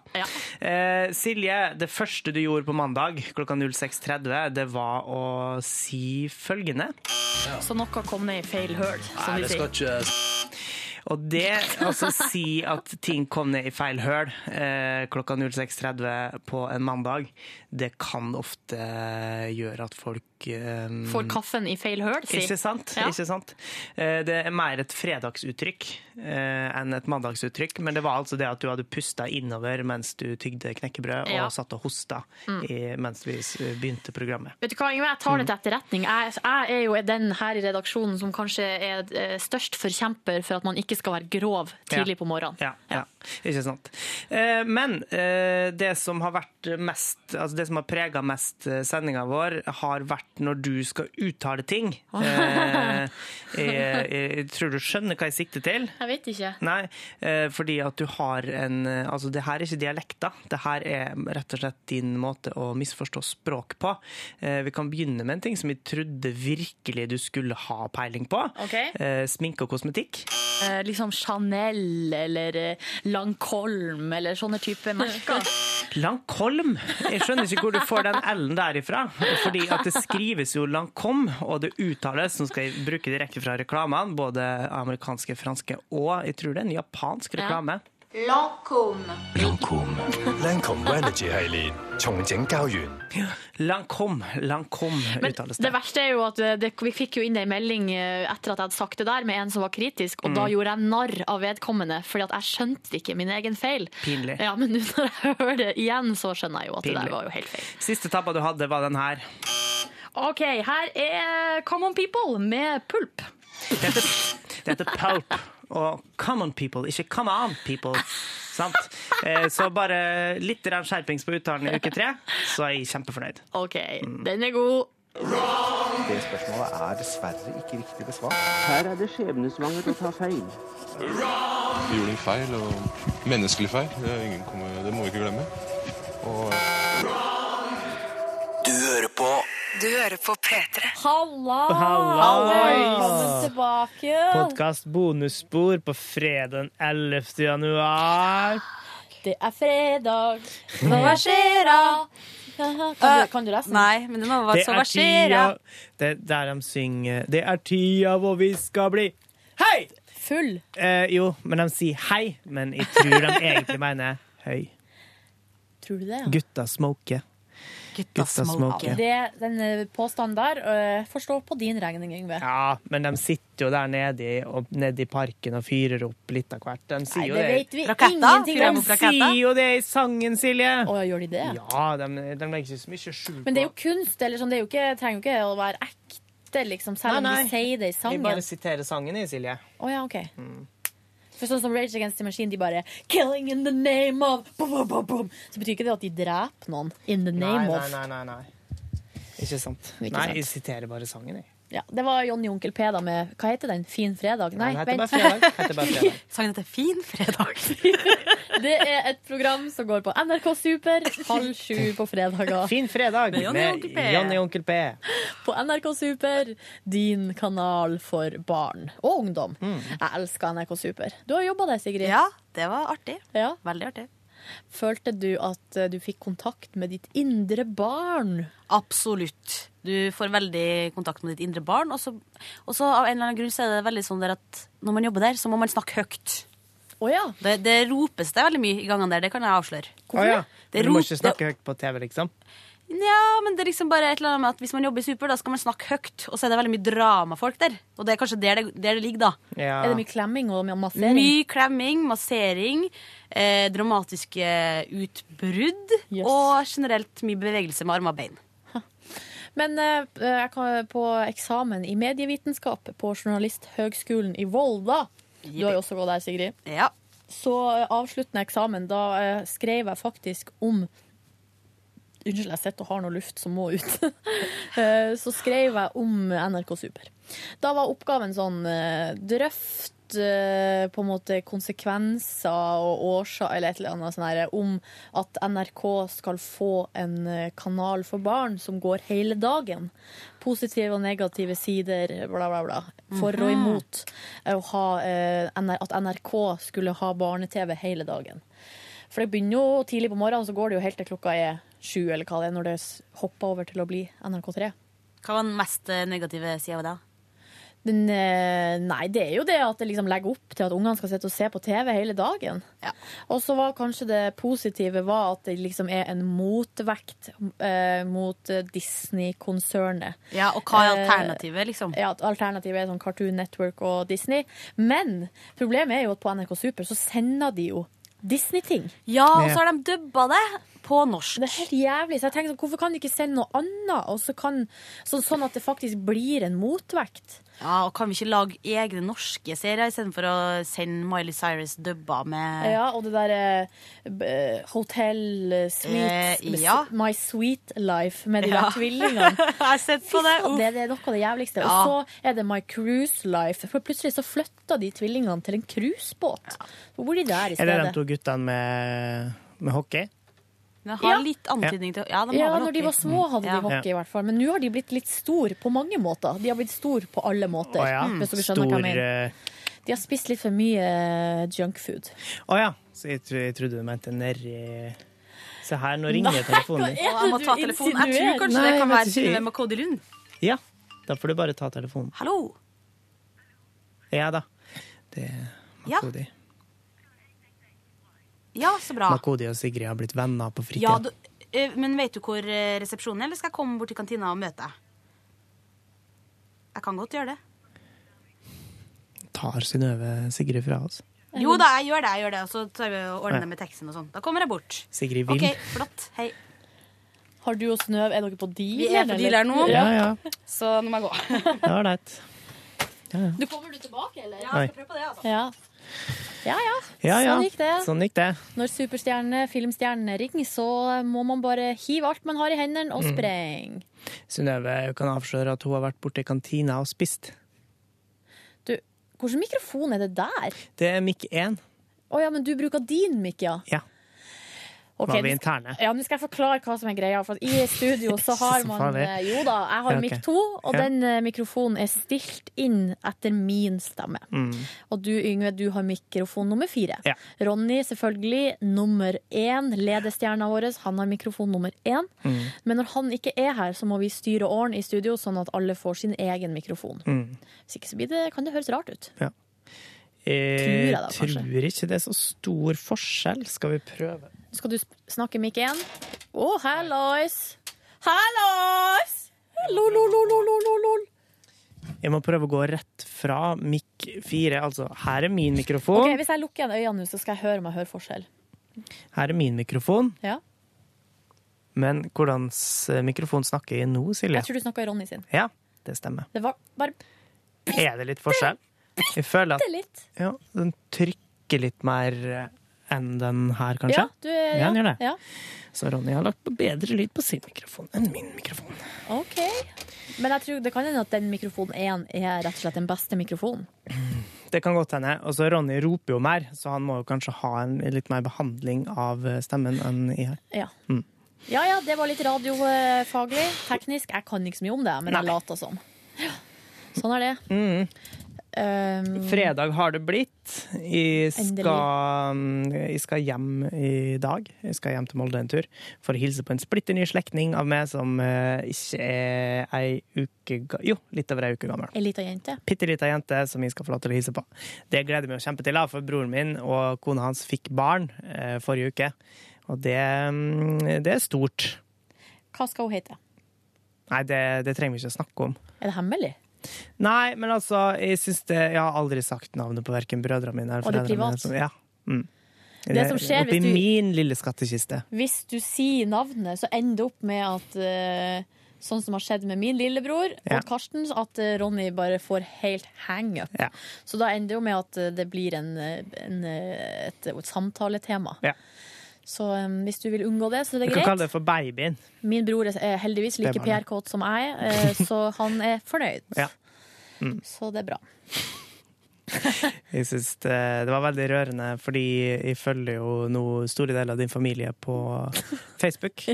Eh, nei, nei på, på Instagram, men når du merkes av så er jo Da får du jo med meg store og små familiebegivenheter i din familie òg. Ja, når de tagger meg Ja. i sine statuser, så Ja. kommer det opp på min vegg. Stemmer. Mm. Men jeg så det at eh, din bror fikk Han hadde jo 18-årsdag Ja. nylig. Eh, og det var jo åpenbart stor stas. Og jeg tror han posta han en pils eller et eller annet sånt? Var ikke det han gjorde? Han posta et bilde, eh, familiemiddagsbilde der Ja. han hadde ei eh, pils stående foran seg, og så sto det under 'Oh yeah, legal'. Ja, Ja, uh, hashtag legal. Mm. Mm. Ja, ja, ja, ja. Var det det som var rørende? Nei, ja, jeg syns jo det, fordi at det var sistemann i din, familie. Ja, sistemann. Mm. Bortsett fra Tussi, da, som hadde bursdag i går. Hun ble tolv år! Ja, og det er hunden din, og ikke lillesøstera di. Ja. Ja. Nå føles litt som lillesøstera, eller mer som bestemora nå, for at hun er jo et gammelt drog Ja. i stua. Ja. Eh, hun går nesten ikke ut lenger. Er det ut av latskap, eller veit hun at hun ikke har noe å hente der ute, liksom? Uh, nei, jeg vet ikke hva det er, men når mamma gikk tur med henne nå i jula uh, og skulle gå et stykke, og da etter en, sånn, en kilometer så satte hun seg bare på ræv, og da ville hun ikke gå lenger. Nei. Og da da måtte mor di ringe etter bil, eller? Nei, det var når mamma da snudde og gikk tilbake, da ble hun med. Ja, OK. Ja, men ville ikke, det, ja, vil ikke være med lenger bort Nei. fra, fra liksom bilen. Åh, Eh, Tussi, ass. Tussi. Det er noe med personligheten til eh, dyr. Ja. Ja. Hvordan feira du bursdagen til Tussi Yngve i går? I går feira jeg med å gå til tannlegen, og det Jeg håper, jeg tror dette var siste besøket mitt i en lang rekke med intense inngrep i munnen, eh, som har gått fra september og fram til nå. Ja. Det har vært eh, smertefullt Ikke så smertefullt, men jeg har merka det på lommeboka, da. Det har vært eh, den ene tusenlappen etter den andre. Flagra ut. Jeg hadde mange hull som de hadde oppdaga fordi at jeg ikke hadde vært hos tannlegen på veldig lenge. Så tanntråd, fluorskyld og eh, tannkontroll eh, vil jeg anbefale. Skal i hvert fall jeg begynne med. Ja. Jeg har aldri hatt hull, jeg. Nei, du sier det. Jeg hadde ikke hull i heller før jeg ble 18 eller 19 år, og tenkte at jeg var jo immun, men så plutselig så skjedde det et eller annet. Vel, eh, jeg var hos tannlegen og begynte en, en boresekvens som gikk rett ned i nerva. Eh, og da, sa jeg, da rykka jeg til med å lukke det ene øyet mitt, og så, så skjønte hun at eh, her må det mer bedøvelse til. Så jeg tror hun tømte to hele sprøyter med, med bedøvelse inn i munnen min. Digg. Som gjorde at når jeg var ferdig med dette tannlegebesøket, så kjente jeg ikke halve ansiktet mitt, og tunga var ikke med. Når jeg var inne i butikker for, eksempel, for å handle mat Mm. eh, og spørre om ting, så skjønte jeg at her kan ikke jeg her må jeg spørre om minst mulig, fordi at jeg, jeg hørtes åndsfraværende Altså, det var virkelig at jeg hørtes sløv ut, da. Eh, så eh, det var litt rart. Mm. Og det merka jeg òg spesielt når jeg skulle spise middag etterpå, fordi at da var, visste jeg ikke hvor jeg tygde. Så de bitene jeg trodde var som vanskelig å tygge, viste seg å være store deler av leppa mi. Nei! Jo. Eh, men eh, det gikk heldigvis over eh, utover kvelden der. Jeg måtte jo be om bare mer og mer bedøvelse. Ja. Ja. Men nå tror jeg at jeg er ferdig med tannlegen for en stund. ja. Mm. Men så, når du kom hjem, så var det bare på en måte Først eh, var det se ferdig en, eh, nok en krigsfilm. Jeg skulle lenger tilbake i tid, på 1700-tallet, og så 'Patrioten' med Mel Gibson. Eh, Den var eh, nokså bra, men litt sånn forutsigbar, da, kanskje. Men Yngve, Ja. kan ikke du se nå Kan ikke du se I Love You Man eller Forgetting Sarah Marshall i stedet for at du sitter og ser på Hva skal du si i morgen? Braveheart, liksom? Bare å se på gamle filmer? Ja, jeg liker Jeg liker Jeg vet at du liker det, men kan du ikke en dag, da Jo, men nå har jeg jo lovt Ronny å se um, How I Met Your Mother, så det er det jeg skal gjøre i helga, og så skal jeg skrive en anmeldelse til mandag. Åh, Det gleder jeg meg til. Mm. Jeg skal opp og begynne på det nå. Skal du ha noen klipp? Og skal du ha sånn eh, å, skikkelig filmpolitiaktig? Å ja, faen. Kanskje? Ja. Mm. ja, det er det Ronny forventer seg. Ja, ja, jeg, jeg, bare tenkte med at du Ronny, skulle ha klipp ifra. jeg tror Ronny til og med forventer at du skal snakke trønder. Ja, det har jeg tenkt at jeg skal i hvert fall. Jeg elsker å være tilbake i herran verden. Jeg gleder meg til å høre det. How I Met Your Mother er en amerikansk sitcom på sitt aller mest klisjéfylte. Ja, du har det jo. Du er, du er klar, du. Det var litt som Bjørn Tore Grøtte òg, går over i klisjéfylte. Ja, Men Bjørn Tore Grøtte, det er sjefen vår. Ja da, men han har òg vært på P3. Har han det? Ja, jeg mener han hadde noen formiddags- eller sånne DJ-strekk en periode. Ja. Det er en stund siden, da. Men, men Kunne vært eh, artig å prøve seg som DJ, må jeg bare si. Ja. Problemet mitt er at jeg har ikke så god kompetanse på musikk, og det Eh, Hei, Nils Pils. Nei da, tuller bare. Eh, det, Nils Pils er min nemesis når det kommer Ja. til musikk. Ja. Men i dag var han fornøyd, da sendte melding og likte Kvelertak, så da ble jeg glad. ja. Men er du glad i Kvelertak? Eh, ja, jeg syns det er bra, men eh, det, jeg syns vel kanskje i dag kvart på åtte at det ble litt hardt. Ja.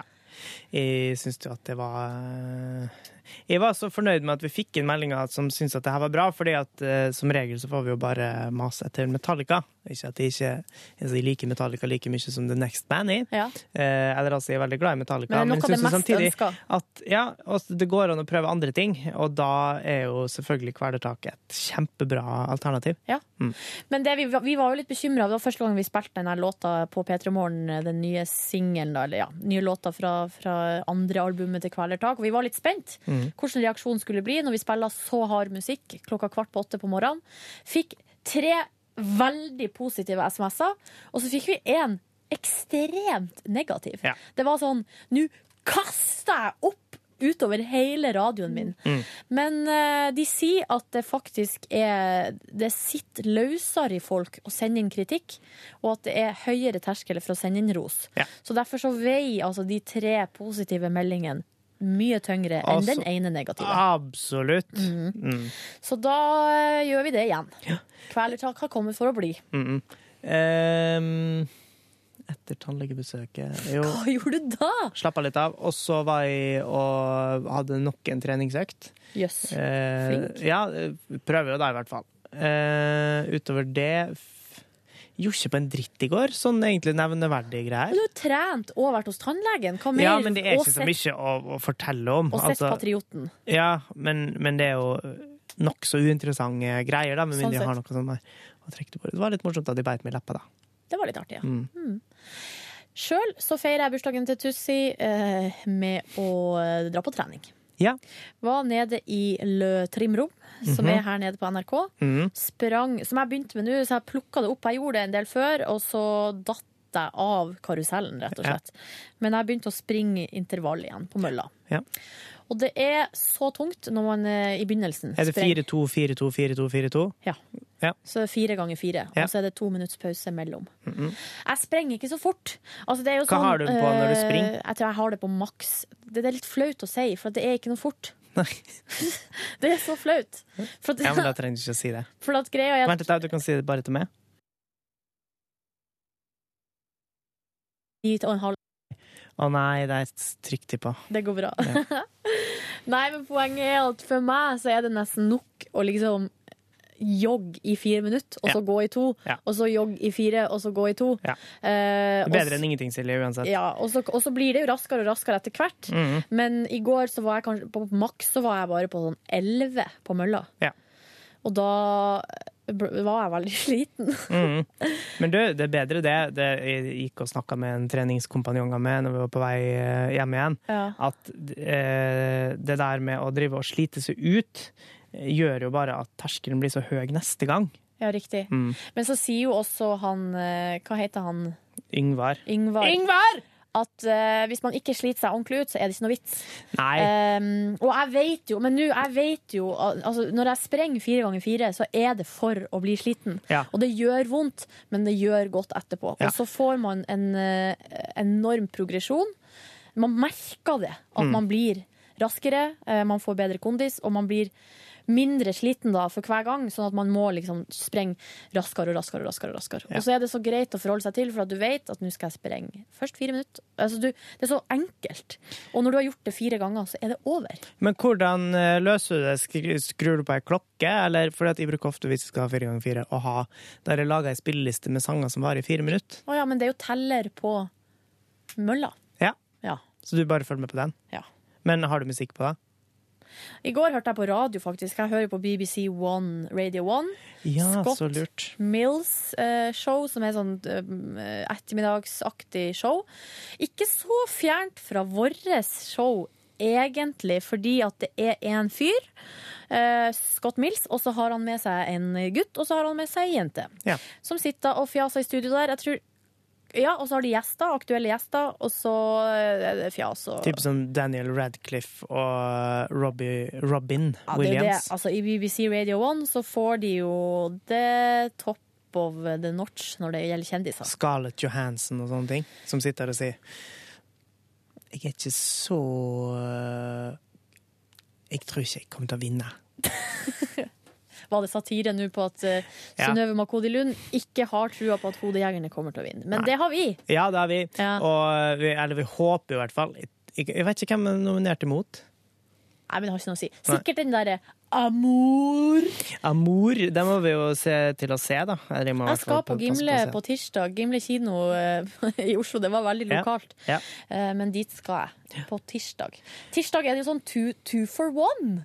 Har du fått med deg det? Nei. Jeg tror det er på kino over hele landet. Ja. Det er jo et Men er det bare for sånne, sånne kunder av ja, det og det? Ja. kunder av det og det telefonselskapet. Mm. Vi har det ene telefonselskapet her i NRK, og det er dårlig dekning over hele fuckings landet. Men så får vi da igjen for det med to for én på kino hver tirsdag. Siggen, jo. Hello! Sigrid! I am back. Hvordan går det her? Jo, bra, men det skal jo ikke være lett å bestille en taxi her i landet. Men har du fått det til nå, da? Nå har jeg fått det til. Så nå kommer Synnøve Makodi Lund seg hjem? Hun kommer seg hjem. Ja. Bra. Hun var veldig fornøyd. Er hun fornøyd? Ja, hun var veldig fornøyd med det. At hun Var kom seg hjem. fornøyd med rekebagetten i kantina? Ja, jeg vet ikke, jeg, jeg vet ikke hva hun spiste, da, men Lukta hun det reke av òg? Nei, hun lukte, jeg tror hun er sånn som lukter godt alltid, tror jeg. Ja, ja. Ja, hun reker lukter noe godt, det? Men eh, var hun fornøyd med intervjuet i P3 Morgen? Hun var veldig fornøyd, tror jeg. Hun sa ingenting, jeg spurte heller ikke, men hun virka liksom på en måte oppløfta i forhold til Altså, hun var sikkert litt nervøs for hun kom. Ja. Og når hun var ferdig med det, så kan det hende at hun bare var letta for å være ferdig med det, men hun virka også litt sånn Forferdelig Litt fornøyd med seg sjøl. Forferdelig trøtt i dag, var hun. Ja. Ja. OK, eh, jeg driver nå på dagen min. Det går tregt, det her. Vi, Ja, ja. vi har vært gjennom bare Yngve. trent. Yngve hadde vært hos Bare tannlegen. Og så hadde han eh, sett på Patrioten, og trena han òg. Ja. Så flink dere er. Men eh, jeg for hjem, og da eh, Jo, herregud, jeg jeg kjøpte sushi. Ja. Og det jeg gjorde var at jeg tok bussen, og så eh, bestilte jeg sushi fra bussen. Og så måtte jeg gå av bussen før jeg var hjemme, for der lå sushihuset, rett og slett. Det er det det heter. Um, og så henta jeg sushien der, betalte, og så måtte jeg gå til neste busstopp. Og det viste seg å være jævlig langt! Ja, det er et lite stykke nedover. Ja. Ja. Og så var jeg selvfølgelig svett. Jeg, hadde ikke, jeg skulle dusje hjemme, svett, og det var iskaldt. Og, nei, det var ikke helt ideelt. Ikke helt ideelt. Ikke helt ideelt. Så kom jeg hjem, dusja. Så kom det to venner, et vennepar av meg. Her skulle du få fryser eller noe sånt. Nei, eh, hun ene skulle låne dusjen vår. Oi. Fordi at eh, dusjen hos dem, der de bor, den funka ikke. Nei. Eller varmtvannet funka ikke. Så Ah, de så kom på et dusjebesøk. Ja. Så digg, da. Ja. Og bare hun ene som skulle dusje, da. Ja, For hun andre hadde, dusj, hadde fått dusja uh, før varmtvannet forsvant. Ja, OK. Sto du klar med håndduken? Mm, Nei, nei, for det er ikke sånn brukt opp varmt. Det er sånn der, der varmtvannet er inkludert. Der det er liksom bare verdens største tank i kjelleren. Da alle andre hadde brukt opp. Er det det som bare tappes direkte fra radiatoren? Det liker jeg å tenke. At det er Det er sånn det sirkulerende vann som går har gått der i årevis. Nei, det tror jeg ikke. Det hadde vært morsomt, da. Uansett så var de der og dusja, da. Så jeg snakka litt med dem, og så dro de, og vi spiste middag, altså sushi. Og så for jeg eh, og dusja og ordna meg. Og så for jeg på førpremierefest Ja. for Det- du har- programmet Tone. Du har jo gjort noe. Ja, Hvem snakka du med der? Du vet du hva? Det Ikke snakk om den der tantriske skvørtefyren. Nei, ikke, ikke noe tantrisk Ja, squirts. det må jeg jo fortelle. Nei! Åh, skal du fortelle om den tantriske skvørtefyren? Det var en fyr som fortalte Og jeg vet ikke, jeg bare havna i den samtalen. Og der sto Petter Pilgaard og Ida Fladen og var så i dyp samtale med en fyr som fortalte at eh, at kona hadde sendt han til ei dame som var tantrisk sexekspert. Og hun her dama hadde fortalt at hun hadde så sinnssyke orgasmer hadde squirta utover Nei, alt. nei, nei. nei. Og, da, og, det, og det her fortalte han med den enorme innlevelse. Men var det her og en kjendis? Nei.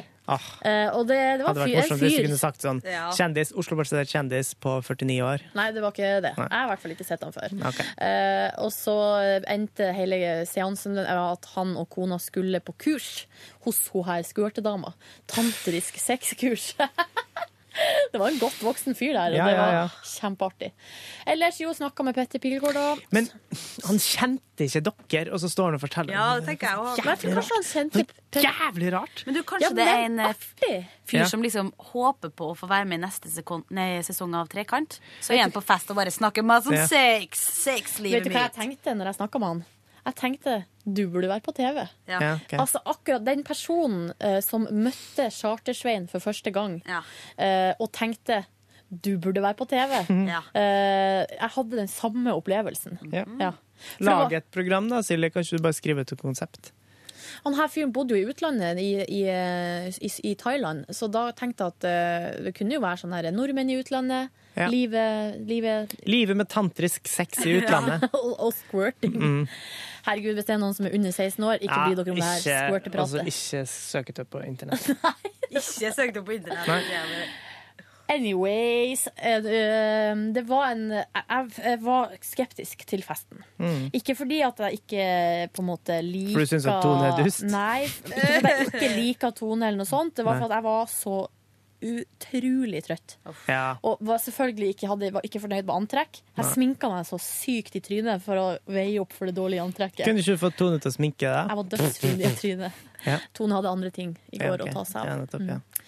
Eh, men jeg klarte Men litt for, Tone. Så jeg, jeg sa jo i går at jeg skulle komme. Mm. Så da tenkte jeg nå skal jeg skjerpe meg og komme meg opp av sofaen og dra dit. Så jeg gjorde det. Mm. Og det viste seg Og det er litt sånn når man ikke har så store forventninger til egen innsats på fest, så blir det ofte ganske artig.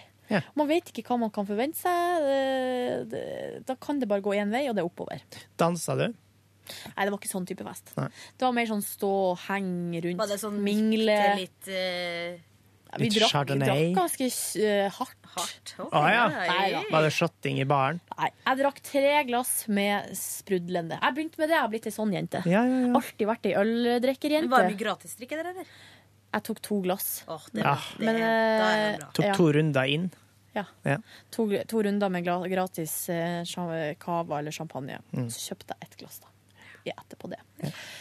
Eh, Snakka ja med Petter Pilgaard litt, og eh, helsa så vidt på Aksel eh, Hennie. Gratulerte med BAFTA. Han er hyggelig fyr. Mm. Vet du hva? Aksel Hennie han eh, er Norges største filmstjerne, vil jeg si Mm. nå. Man får mye pes, Ja, bortsett fra Jack Maurstad. Ja, hvem er Jack Maurstad? Jack Maurstad. Nei, nei, faren til Toralf han var jo største stjerne på 50-tallet. Ja, men er, er han død? Eh, ja. Ja, så da har Aksel Hennie tatt over, da. Ja, det. Men det er jo litt sånn med sånne store kjendiser. Det er ikke alltid at når de møter en eh, stakkarslig liten radiopersonlighet, at de gidder å si hei. Ofte så er det ikke sikkert at de husker deg igjen engang, fordi Nei. at de møter så sjukt mange mennesker i løpet av eh, livet sitt. Men eh, han uh, hilsa på meg, i hvert fall. Da ble jeg dødsglad. Da måtte jeg gi han en bra. klem og si uh, gratulerer. Så det satte han pris på. Jeg følte at jeg sa, sa liksom gratulerer fra P3 Morgen. Ja. Supert. Så ja, fikk vi gjort Støttes. det. Og ellers så, så snakka jeg mest med Ida Fladen, da, som var den jeg kjente der. Ja, så jeg liker når det er noen kjentfolk. Mm. Blir litt satt ut av sånn minglefest. Åh, Hva skal man si? minglefest er så kleint. Altså. Det kan være så forferdelig. Ja, det kan være hvis, Av og til så har jeg tilløp til sosial angst på fest. Ja, det får jeg på min Sånn at jeg bare vet ikke hva jeg skal si. Jeg føler at alt jeg sier er idiotisk. Jeg føler meg bare helt utafor. Og det har, da hender det at jeg rett og slett bare sier 'nå går jeg hjem'. Du kan trøste med at eh, det alltid er noen tantriske skørtefolk som sier enda mer idiotiske ting enn det. Og det er han som blir huska, ikke du. Ja, men det er liksom den følelsen man kanskje- har inni seg. Det er en så fæl følelse å ha inni seg. Men i går så hadde jeg bare sånn Nå skal jeg kose meg. Det her er- har ingenting å si. Bare hils på folk, vær bare glad og kos meg. Og, og være, bare ikke være sånn herre Å, jeg er ingen, og ingen bryr seg om meg. Og bare Å, jeg er bare dust. Men veldig lurt å leie inn en sånn fyr som snakker om flørting, da. For å bare liksom Men det var veldig hyggelig, for jeg og venninna mi vi gikk liksom og satte oss på et bord, og da satt det to mennesker overfor oss.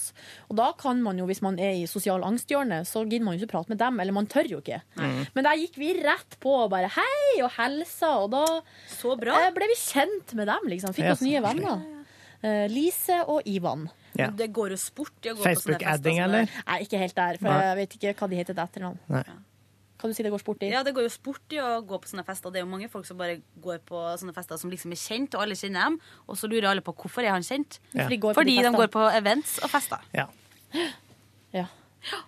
Men eh, også sa jeg ha det til eh, når jeg gikk, eh, for Tone var jo omsverma, selvfølgelig. Men når jeg skulle gå, så gikk jeg bort og sa ha det, da, og sa takk for meg. Og da var hun så fornøyd med å hilse til Yngve, og var så fornøyd med kvelden. Og, Tone, da. ja. Uh, Syns at Yngve er søt, så er søt, Tone, kutt ut alle sammen. Kutt ut alle som er er det kult å bli kalt søt når du er gutt, eller er det Ja, det er kult. Det er kult, det. Ja, altså, det tenkte jeg faktisk på vei til jobb i dag. For at jeg tenkte at jeg syns at Aksel Hennie er litt søt. For han er sånn fnisete. Eh, og så Kul og barsk er bedre å bli kalt da. Men Ja. eh, jeg husker på barneskolen så var jeg så fornøyd, fordi at jeg var ikke han søte, jeg var han kule. Var du det? Ja, de sa det. De sa det. Var han? Skikse. Det var Sigve. Ok, Men da må han ha vært ekstremt søt, da. Ja. Han var liksom veldig ikke søt. Krøllete hår. Mm, litt sånn babyaktig ansikt. Jeg liker at du har Men han kule! Hvordan Jeg var klarte du kul. Jeg gikk i dongeri, dongerijakke og dongeribukse. Røyka du rullings? Nei, er du Kjørte du gæren? eh, Yamaha DT? Nei, er du gæren? Det gjorde de kule på min skole. For å Nei, men det her var på sånn. barneskolen, ass. Å ja. Barneskolen. Å, da var det kul. Også Ja. ungdomsskolen. Hvordan gikk det med kulheten? Ungdomsskolen da var i eh, litt han sure. Jeg, jeg Å, havna i et sånn surt Samme hjørne her, der samme her. jeg prøvde å kle meg litt sånn Nei, altså det var forskjellige greier, men så eh, det hadde litt med Ja, det var litt forskjellige issues, da, selvfølgelig, som tenåring. Men eh, Trodde du at du var jeg homo? Nei. Nei og nei. Det var ikke Har du det. aldri lurt på det?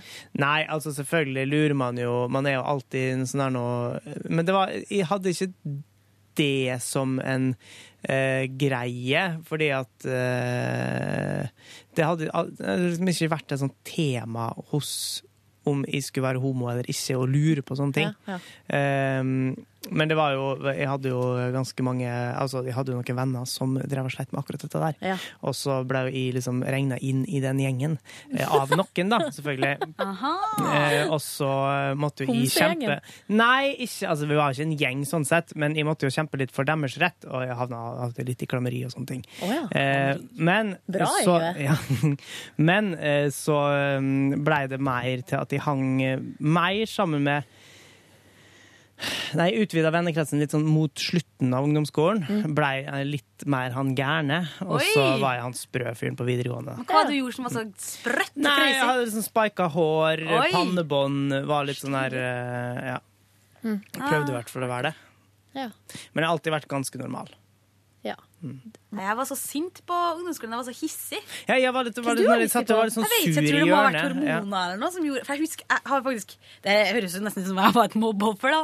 Ja. Men jeg husker en gang at jeg, jeg var så hissig at gutt Og så var jeg jo A40 år når jeg gikk i åttende, liksom. Kjempeliten. Du er liten nå òg. Hvor høy er du? A60. OK. Men ja. Så ble jeg hengt opp på en knagg, og så husker jeg bare at jeg hang på knaggen og sprella og var sint. Det er dårlig gjort. Så sint var jeg at jeg liksom Ja. bare Fortsatt lell. Slipp meg ned. Ja. Ja. Så jeg roer ned litt temperamentet. kan Eh, si. tror dere at jeg har hatt en periode der jeg var sint? Ja. Nei, jeg har ikke det. Hæ? Ikke noe spesielt sint. Men du var såpass, Sint hjemme. Altså, jeg var, såpass lav impulskontroll at du kasta bamsen til lillebroren din opp i et vikingskip? Det gjorde jeg, eh, men når han var fem år, men, eh, og jeg var 15. Så, eh, så er det sånn at når en femåring står og slår deg med en bamse, så er det kort prosess. Ja. Reiv den bamsen ut av hendene på han og kasta den opp i eh, vikingskipet, for vi, tilfeldigvis var vi på Vikingmuseet på Bygdøy. Mm. Så da ble det litt styr med å få den bamsen ut igjen. Men, for jeg var mye sint hjemme, Mm. og på brødrene mine og sånn, og på mamma og pappa, men jeg var aldri sint ute. Nei. Der var det smi fryd og gammen. Så bra, da. Ja. Så bra, ja. Så sånn var det. Hvordan kom vi inn på dette her? Jo, at de var han Ja, Tone syntes at de var søte. Sånn var det, ja. Mm. Så du har gått fra eh, kul til eh, Hvordan var det igjen? Kul? For jeg tror jeg var søt som barn, da. Eh, og så var jeg kul på, på barneskolen, altså da jeg var sånn 12-11-12. Eh, litt sånn sur. Eh, og på, på ungdomsskolen gæren på videregående. Ja. Eh, og så tror jeg jeg var, jeg nerd. eller Jeg vet ikke hva det kalles nå. Du har vært litt nerd òg. Vært litt nerd. Jeg skal ikke dra gjennom alt, men jeg skal skryte litt nå og fortelle at i 9. klasse så ble jeg sammen med kronprinsen på, på ungdomsskolen. Oh. Fordi da var bestevenninna mi selvfølgelig sammen med kongen, eh, Ja. og, så, og vi var bestevenninner, og så, var, eh, så ble jeg sammen med liksom bestekompisen til han, kongen da, Ja, på et okay. vis. Og de to eh, kjørte eh, moped, Ja. eh, Yamaha, eh, drakk, røyka, snusa. De var kule folk. Han min da, han hadde ring i øret. Oi, oi, oi. Eh, gikk med seggebukse. Eh, kjørte Hvordan kombinerer han snowboard. seggebukse med moped? Ja, det gikk Må over- kjøre scooter, da. Det gikk overraskende, syns jeg er bra. Ja. Nei, det var bare å dra buksa opp. Ja, ok. Og så, Og så dra den ned igjen. når du skulle Ja. av. For det ble jo også litt sånn erta for på ungdomsskolen. For ble jo, altså, det- helt i begynnelsen av ungdomsskolen så var jeg skater. Skaterboy. Ja, bare flir. Eh, skaterboy. Eh, og så gikk jeg rundt He da was a og boy, thought that, that, that he wasn't good enough for Men jeg fikk jo sjelden liksom the gear, da. Altså, jeg, jeg kjøpte meg et brukt skateboard som eh, jeg og fatter'n pussa opp. Olja, lakka. Eh, og så eh, Men jeg fikk jo liksom ikke Når jeg hadde lyst på skatesko, så fikk jeg de billigste som var på salg. Oh, jeg hadde Endelig. Men før det så gikk jeg jo bare med jogge, joggesko, som så jævla nerd ut. Og så hadde, fikk jeg ikke seggebukse, så jeg måtte bare dra buksa mi ned sjøl. Ja. Eh, men så brøyt de litt med den der eh, skategjengen. Det var kanskje derfor de var sur på meg etterpå, da. Eh, fordi at jeg syntes eh, ikke alle var like kule. Eh, og så Var du nedlatende? Nei, men jeg har alltid eller hvert fall, Det kanskje var da jeg begynte med å tenke at uh, det her gidder ikke og så gidder jeg ikke å prøve mer heller. Eh, Og så ble du sur. Nei, ja, så ble jeg liksom uh, Begynte jeg å henge litt i en annen gjeng, uh, der jeg skulle liksom vise at jeg var uenig med andre folk i Aha, ganske mange ting. Og da ble jeg sittende og være litt sånn sur. Men jeg tror at jeg aldri klarte å, å skjule helt hvem jeg var. For jeg har alltid vært en gladgutt, da. Ja, Men du, Mm. Yngve, Mm.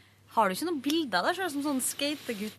Det hadde vært så sinnssykt artig å se. Har det. Jeg har det. I wanna see it. Kan ikke du ta en tur hjem til Molde og finne noen bilder fra Gjerne fra flere epoker, hvis du finner. Ja.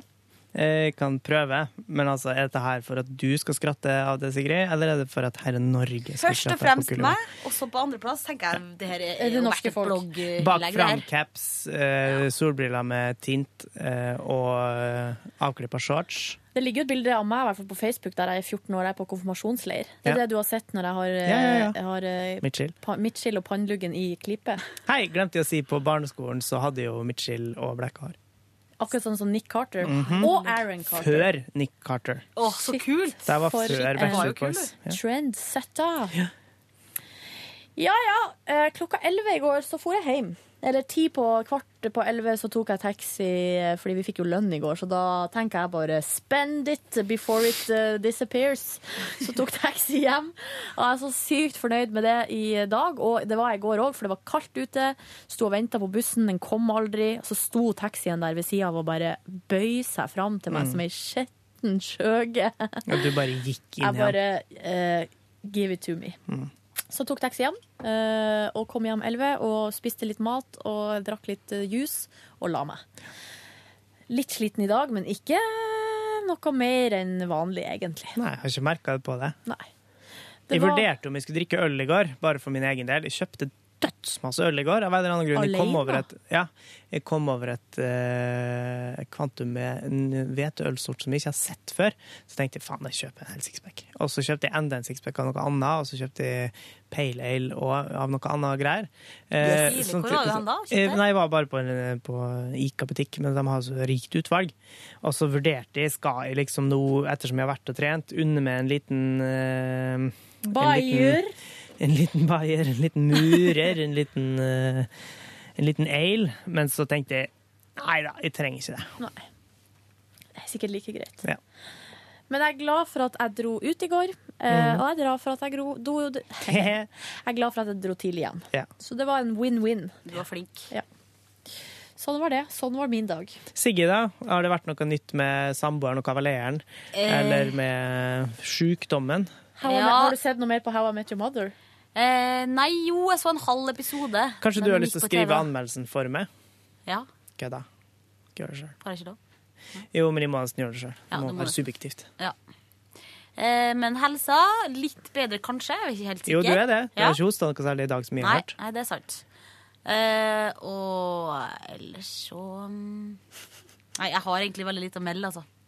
Ja. Både når det gjelder Kavaler og TV-serier og det meste. Ærligheten sjøl. Men jeg har jo da publisert eh, videoer fra i går. Ja. Ja. På Facebook. Ida Fladen har skrevet saken, men så måtte jeg, noen måtte gå inn og trykke på publiser. Publiser. Yes, og det var det jeg som gjorde, og det syns jeg folk skal gå inn og se på. Ja, det må vi På gjøre. Gjøre. p3.no slash p3morgen eh, ligger det mm, videoer og bilder fra i går. Og så ligger det jo masse mer der òg. Det ligger masse stæsj der. Eh, men det er jo kanskje mest fra før jul. så hvis Fra i vil, fjor, det gammelt, altså. ja, så hvis noen vil ta seg en runde med det gamle, så er det bare å gjøre det. Og så er det litt nytt òg. Ja. Vel, se video av at Tone sminka meg i blinde. Det, jeg vet ikke, var det artig? Ja, det var ganske artig, det. Jeg har ikke sett på det. Men enda artigere når dere synger. Ja, det det var helt fantastisk artig.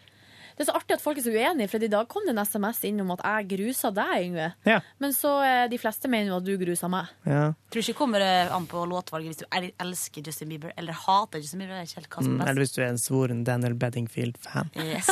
det er mange av dem ute der. Ja. Hallo. Jeg lurer på om han har fans. Ja, det tror jeg han har. Det er Daniel Beddingfield Appreciation Men kanskje med Society. søstera hun er litt sånn forsvunnet? Natasha Beddingfield. These words are my own. I love you, I love you, I love you. Digga dem, ass. Digga familien Beddingfield. De burde gitt ut noe. Ja, hva skjer med de? Hva er det de driver med? Vet ikke. Sikkert gått på kokakjøret. Er de kristne? Jeg siden de er familie, liksom. Alltid når det er liksom musikk, eh, musikalske søsken, så er de kristne. Mm. Ja. Jeg eh, har en renessanse hjemme nå på First Aid Kit. Ja. Eh, Det, albumet fra i fjor som Fatteren digger Steike hvor bra det albumet Det er. er så bra. Jeg hørte mye på det i sommer. Jeg har hørt mest på det. Ja. Og så har jeg liksom lagt det bort litt uh, i høst, og så nå har jeg plukka det fram igjen. Mm. Det er dødsbra, altså. Ja, det var jo egentlig bare det jeg skulle si. Eh, Skal vi ønske alle god helg, eller? Det syns jeg er på sin plass. Og så skal vi si at Ronny er tilbake igjen på mandag. Ja. å høre et par røverhistorier om der han knulla Mia Gundersen i helsedrosje. Ja, det gleder jeg meg til. Han har jo også vært og nevla på et esel, så jeg på Instagram. Ja. Han var så fornøyd med. Så vi får vel historie om det. Han stakk jo nøkkelen sin inn i et hull og så jeg på Instagram. Ja, det, ja. Ja. Og da kan dere prøve å tolke det dit. Dere Dere vil. Det var en svær nøkkel, da. Svær nøkkel, ja. Digert høl da. Vet du hva, nå er humoren her såpass dårlig at Vi vi, er må over si i litt takk sånn for oss. lunsjaktig humor. Ja. Herregud, så mett mette vi er i dag. Ja, vi er kjempemett. God, God natt. tilstand, sånn som så Ronny bruker å si. Vet, det er jeg som har funnet på det geniale Er uttrykket. det? Ja. Men uansett hvor du er og når tid på døgnet det er, så håper vi at du har det bra. Og så snakkes vi på mandag klokka halv sju. Altså, nå skal Silje prompe inn i mikrofonen. Silje, da. God natt! Det var en fittefis. God ha det. Det var en fittefis. Ja. Nei! Jeg har en venninne som kan lage fittefis Kutt ut. Silje. På kommando. Jeg og Sigrid gir oss. Siri, du må Hvorfor flirer dere ikke litt engang? OK. God helg.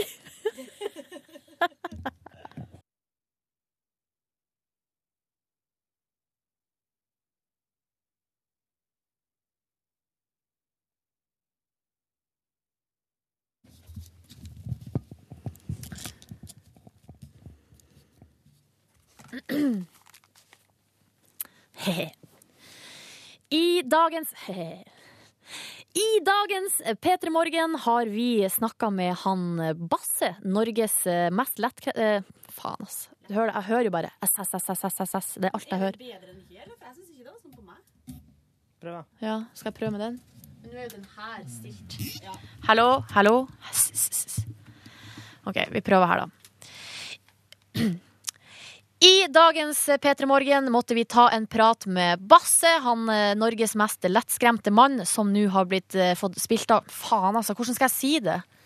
har blitt fått eh, Kanskje spilt ble, ble, ble. Eh, si i dagens P3 Morgen hadde vi Har vi snakka med Basse. Nei. Ikke sant? Det stoppa der.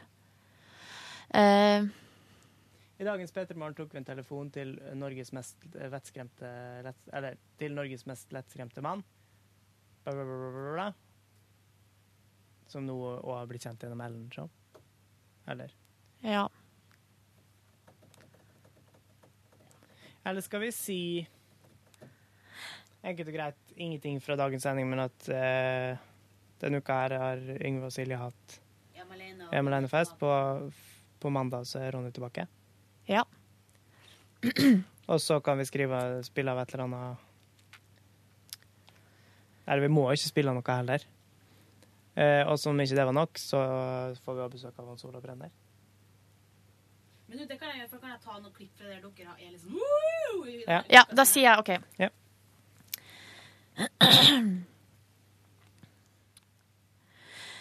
Silje og ja.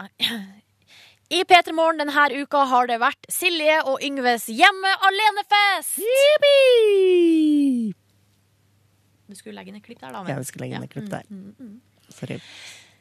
Eh, så kan du si, Yngve, fra og med mandag eh, kommer Ronny tilbake, Mm. og så sier jeg at eh, Hans Olav Brenner kommer på besøk. Fra og med mandag så er Ronny tilbake igjen i programlederstolen, og jeg og Silje skal jekke oss ned et par hakk igjen. Og vi får besøk av Hans Olav Brenner. På mandag, altså, klokka halv sju. P3 Morgen, altså. P3 Vi høres på mandag! Halv sju, kan du si. Ja, OK. Halv sju! Ja.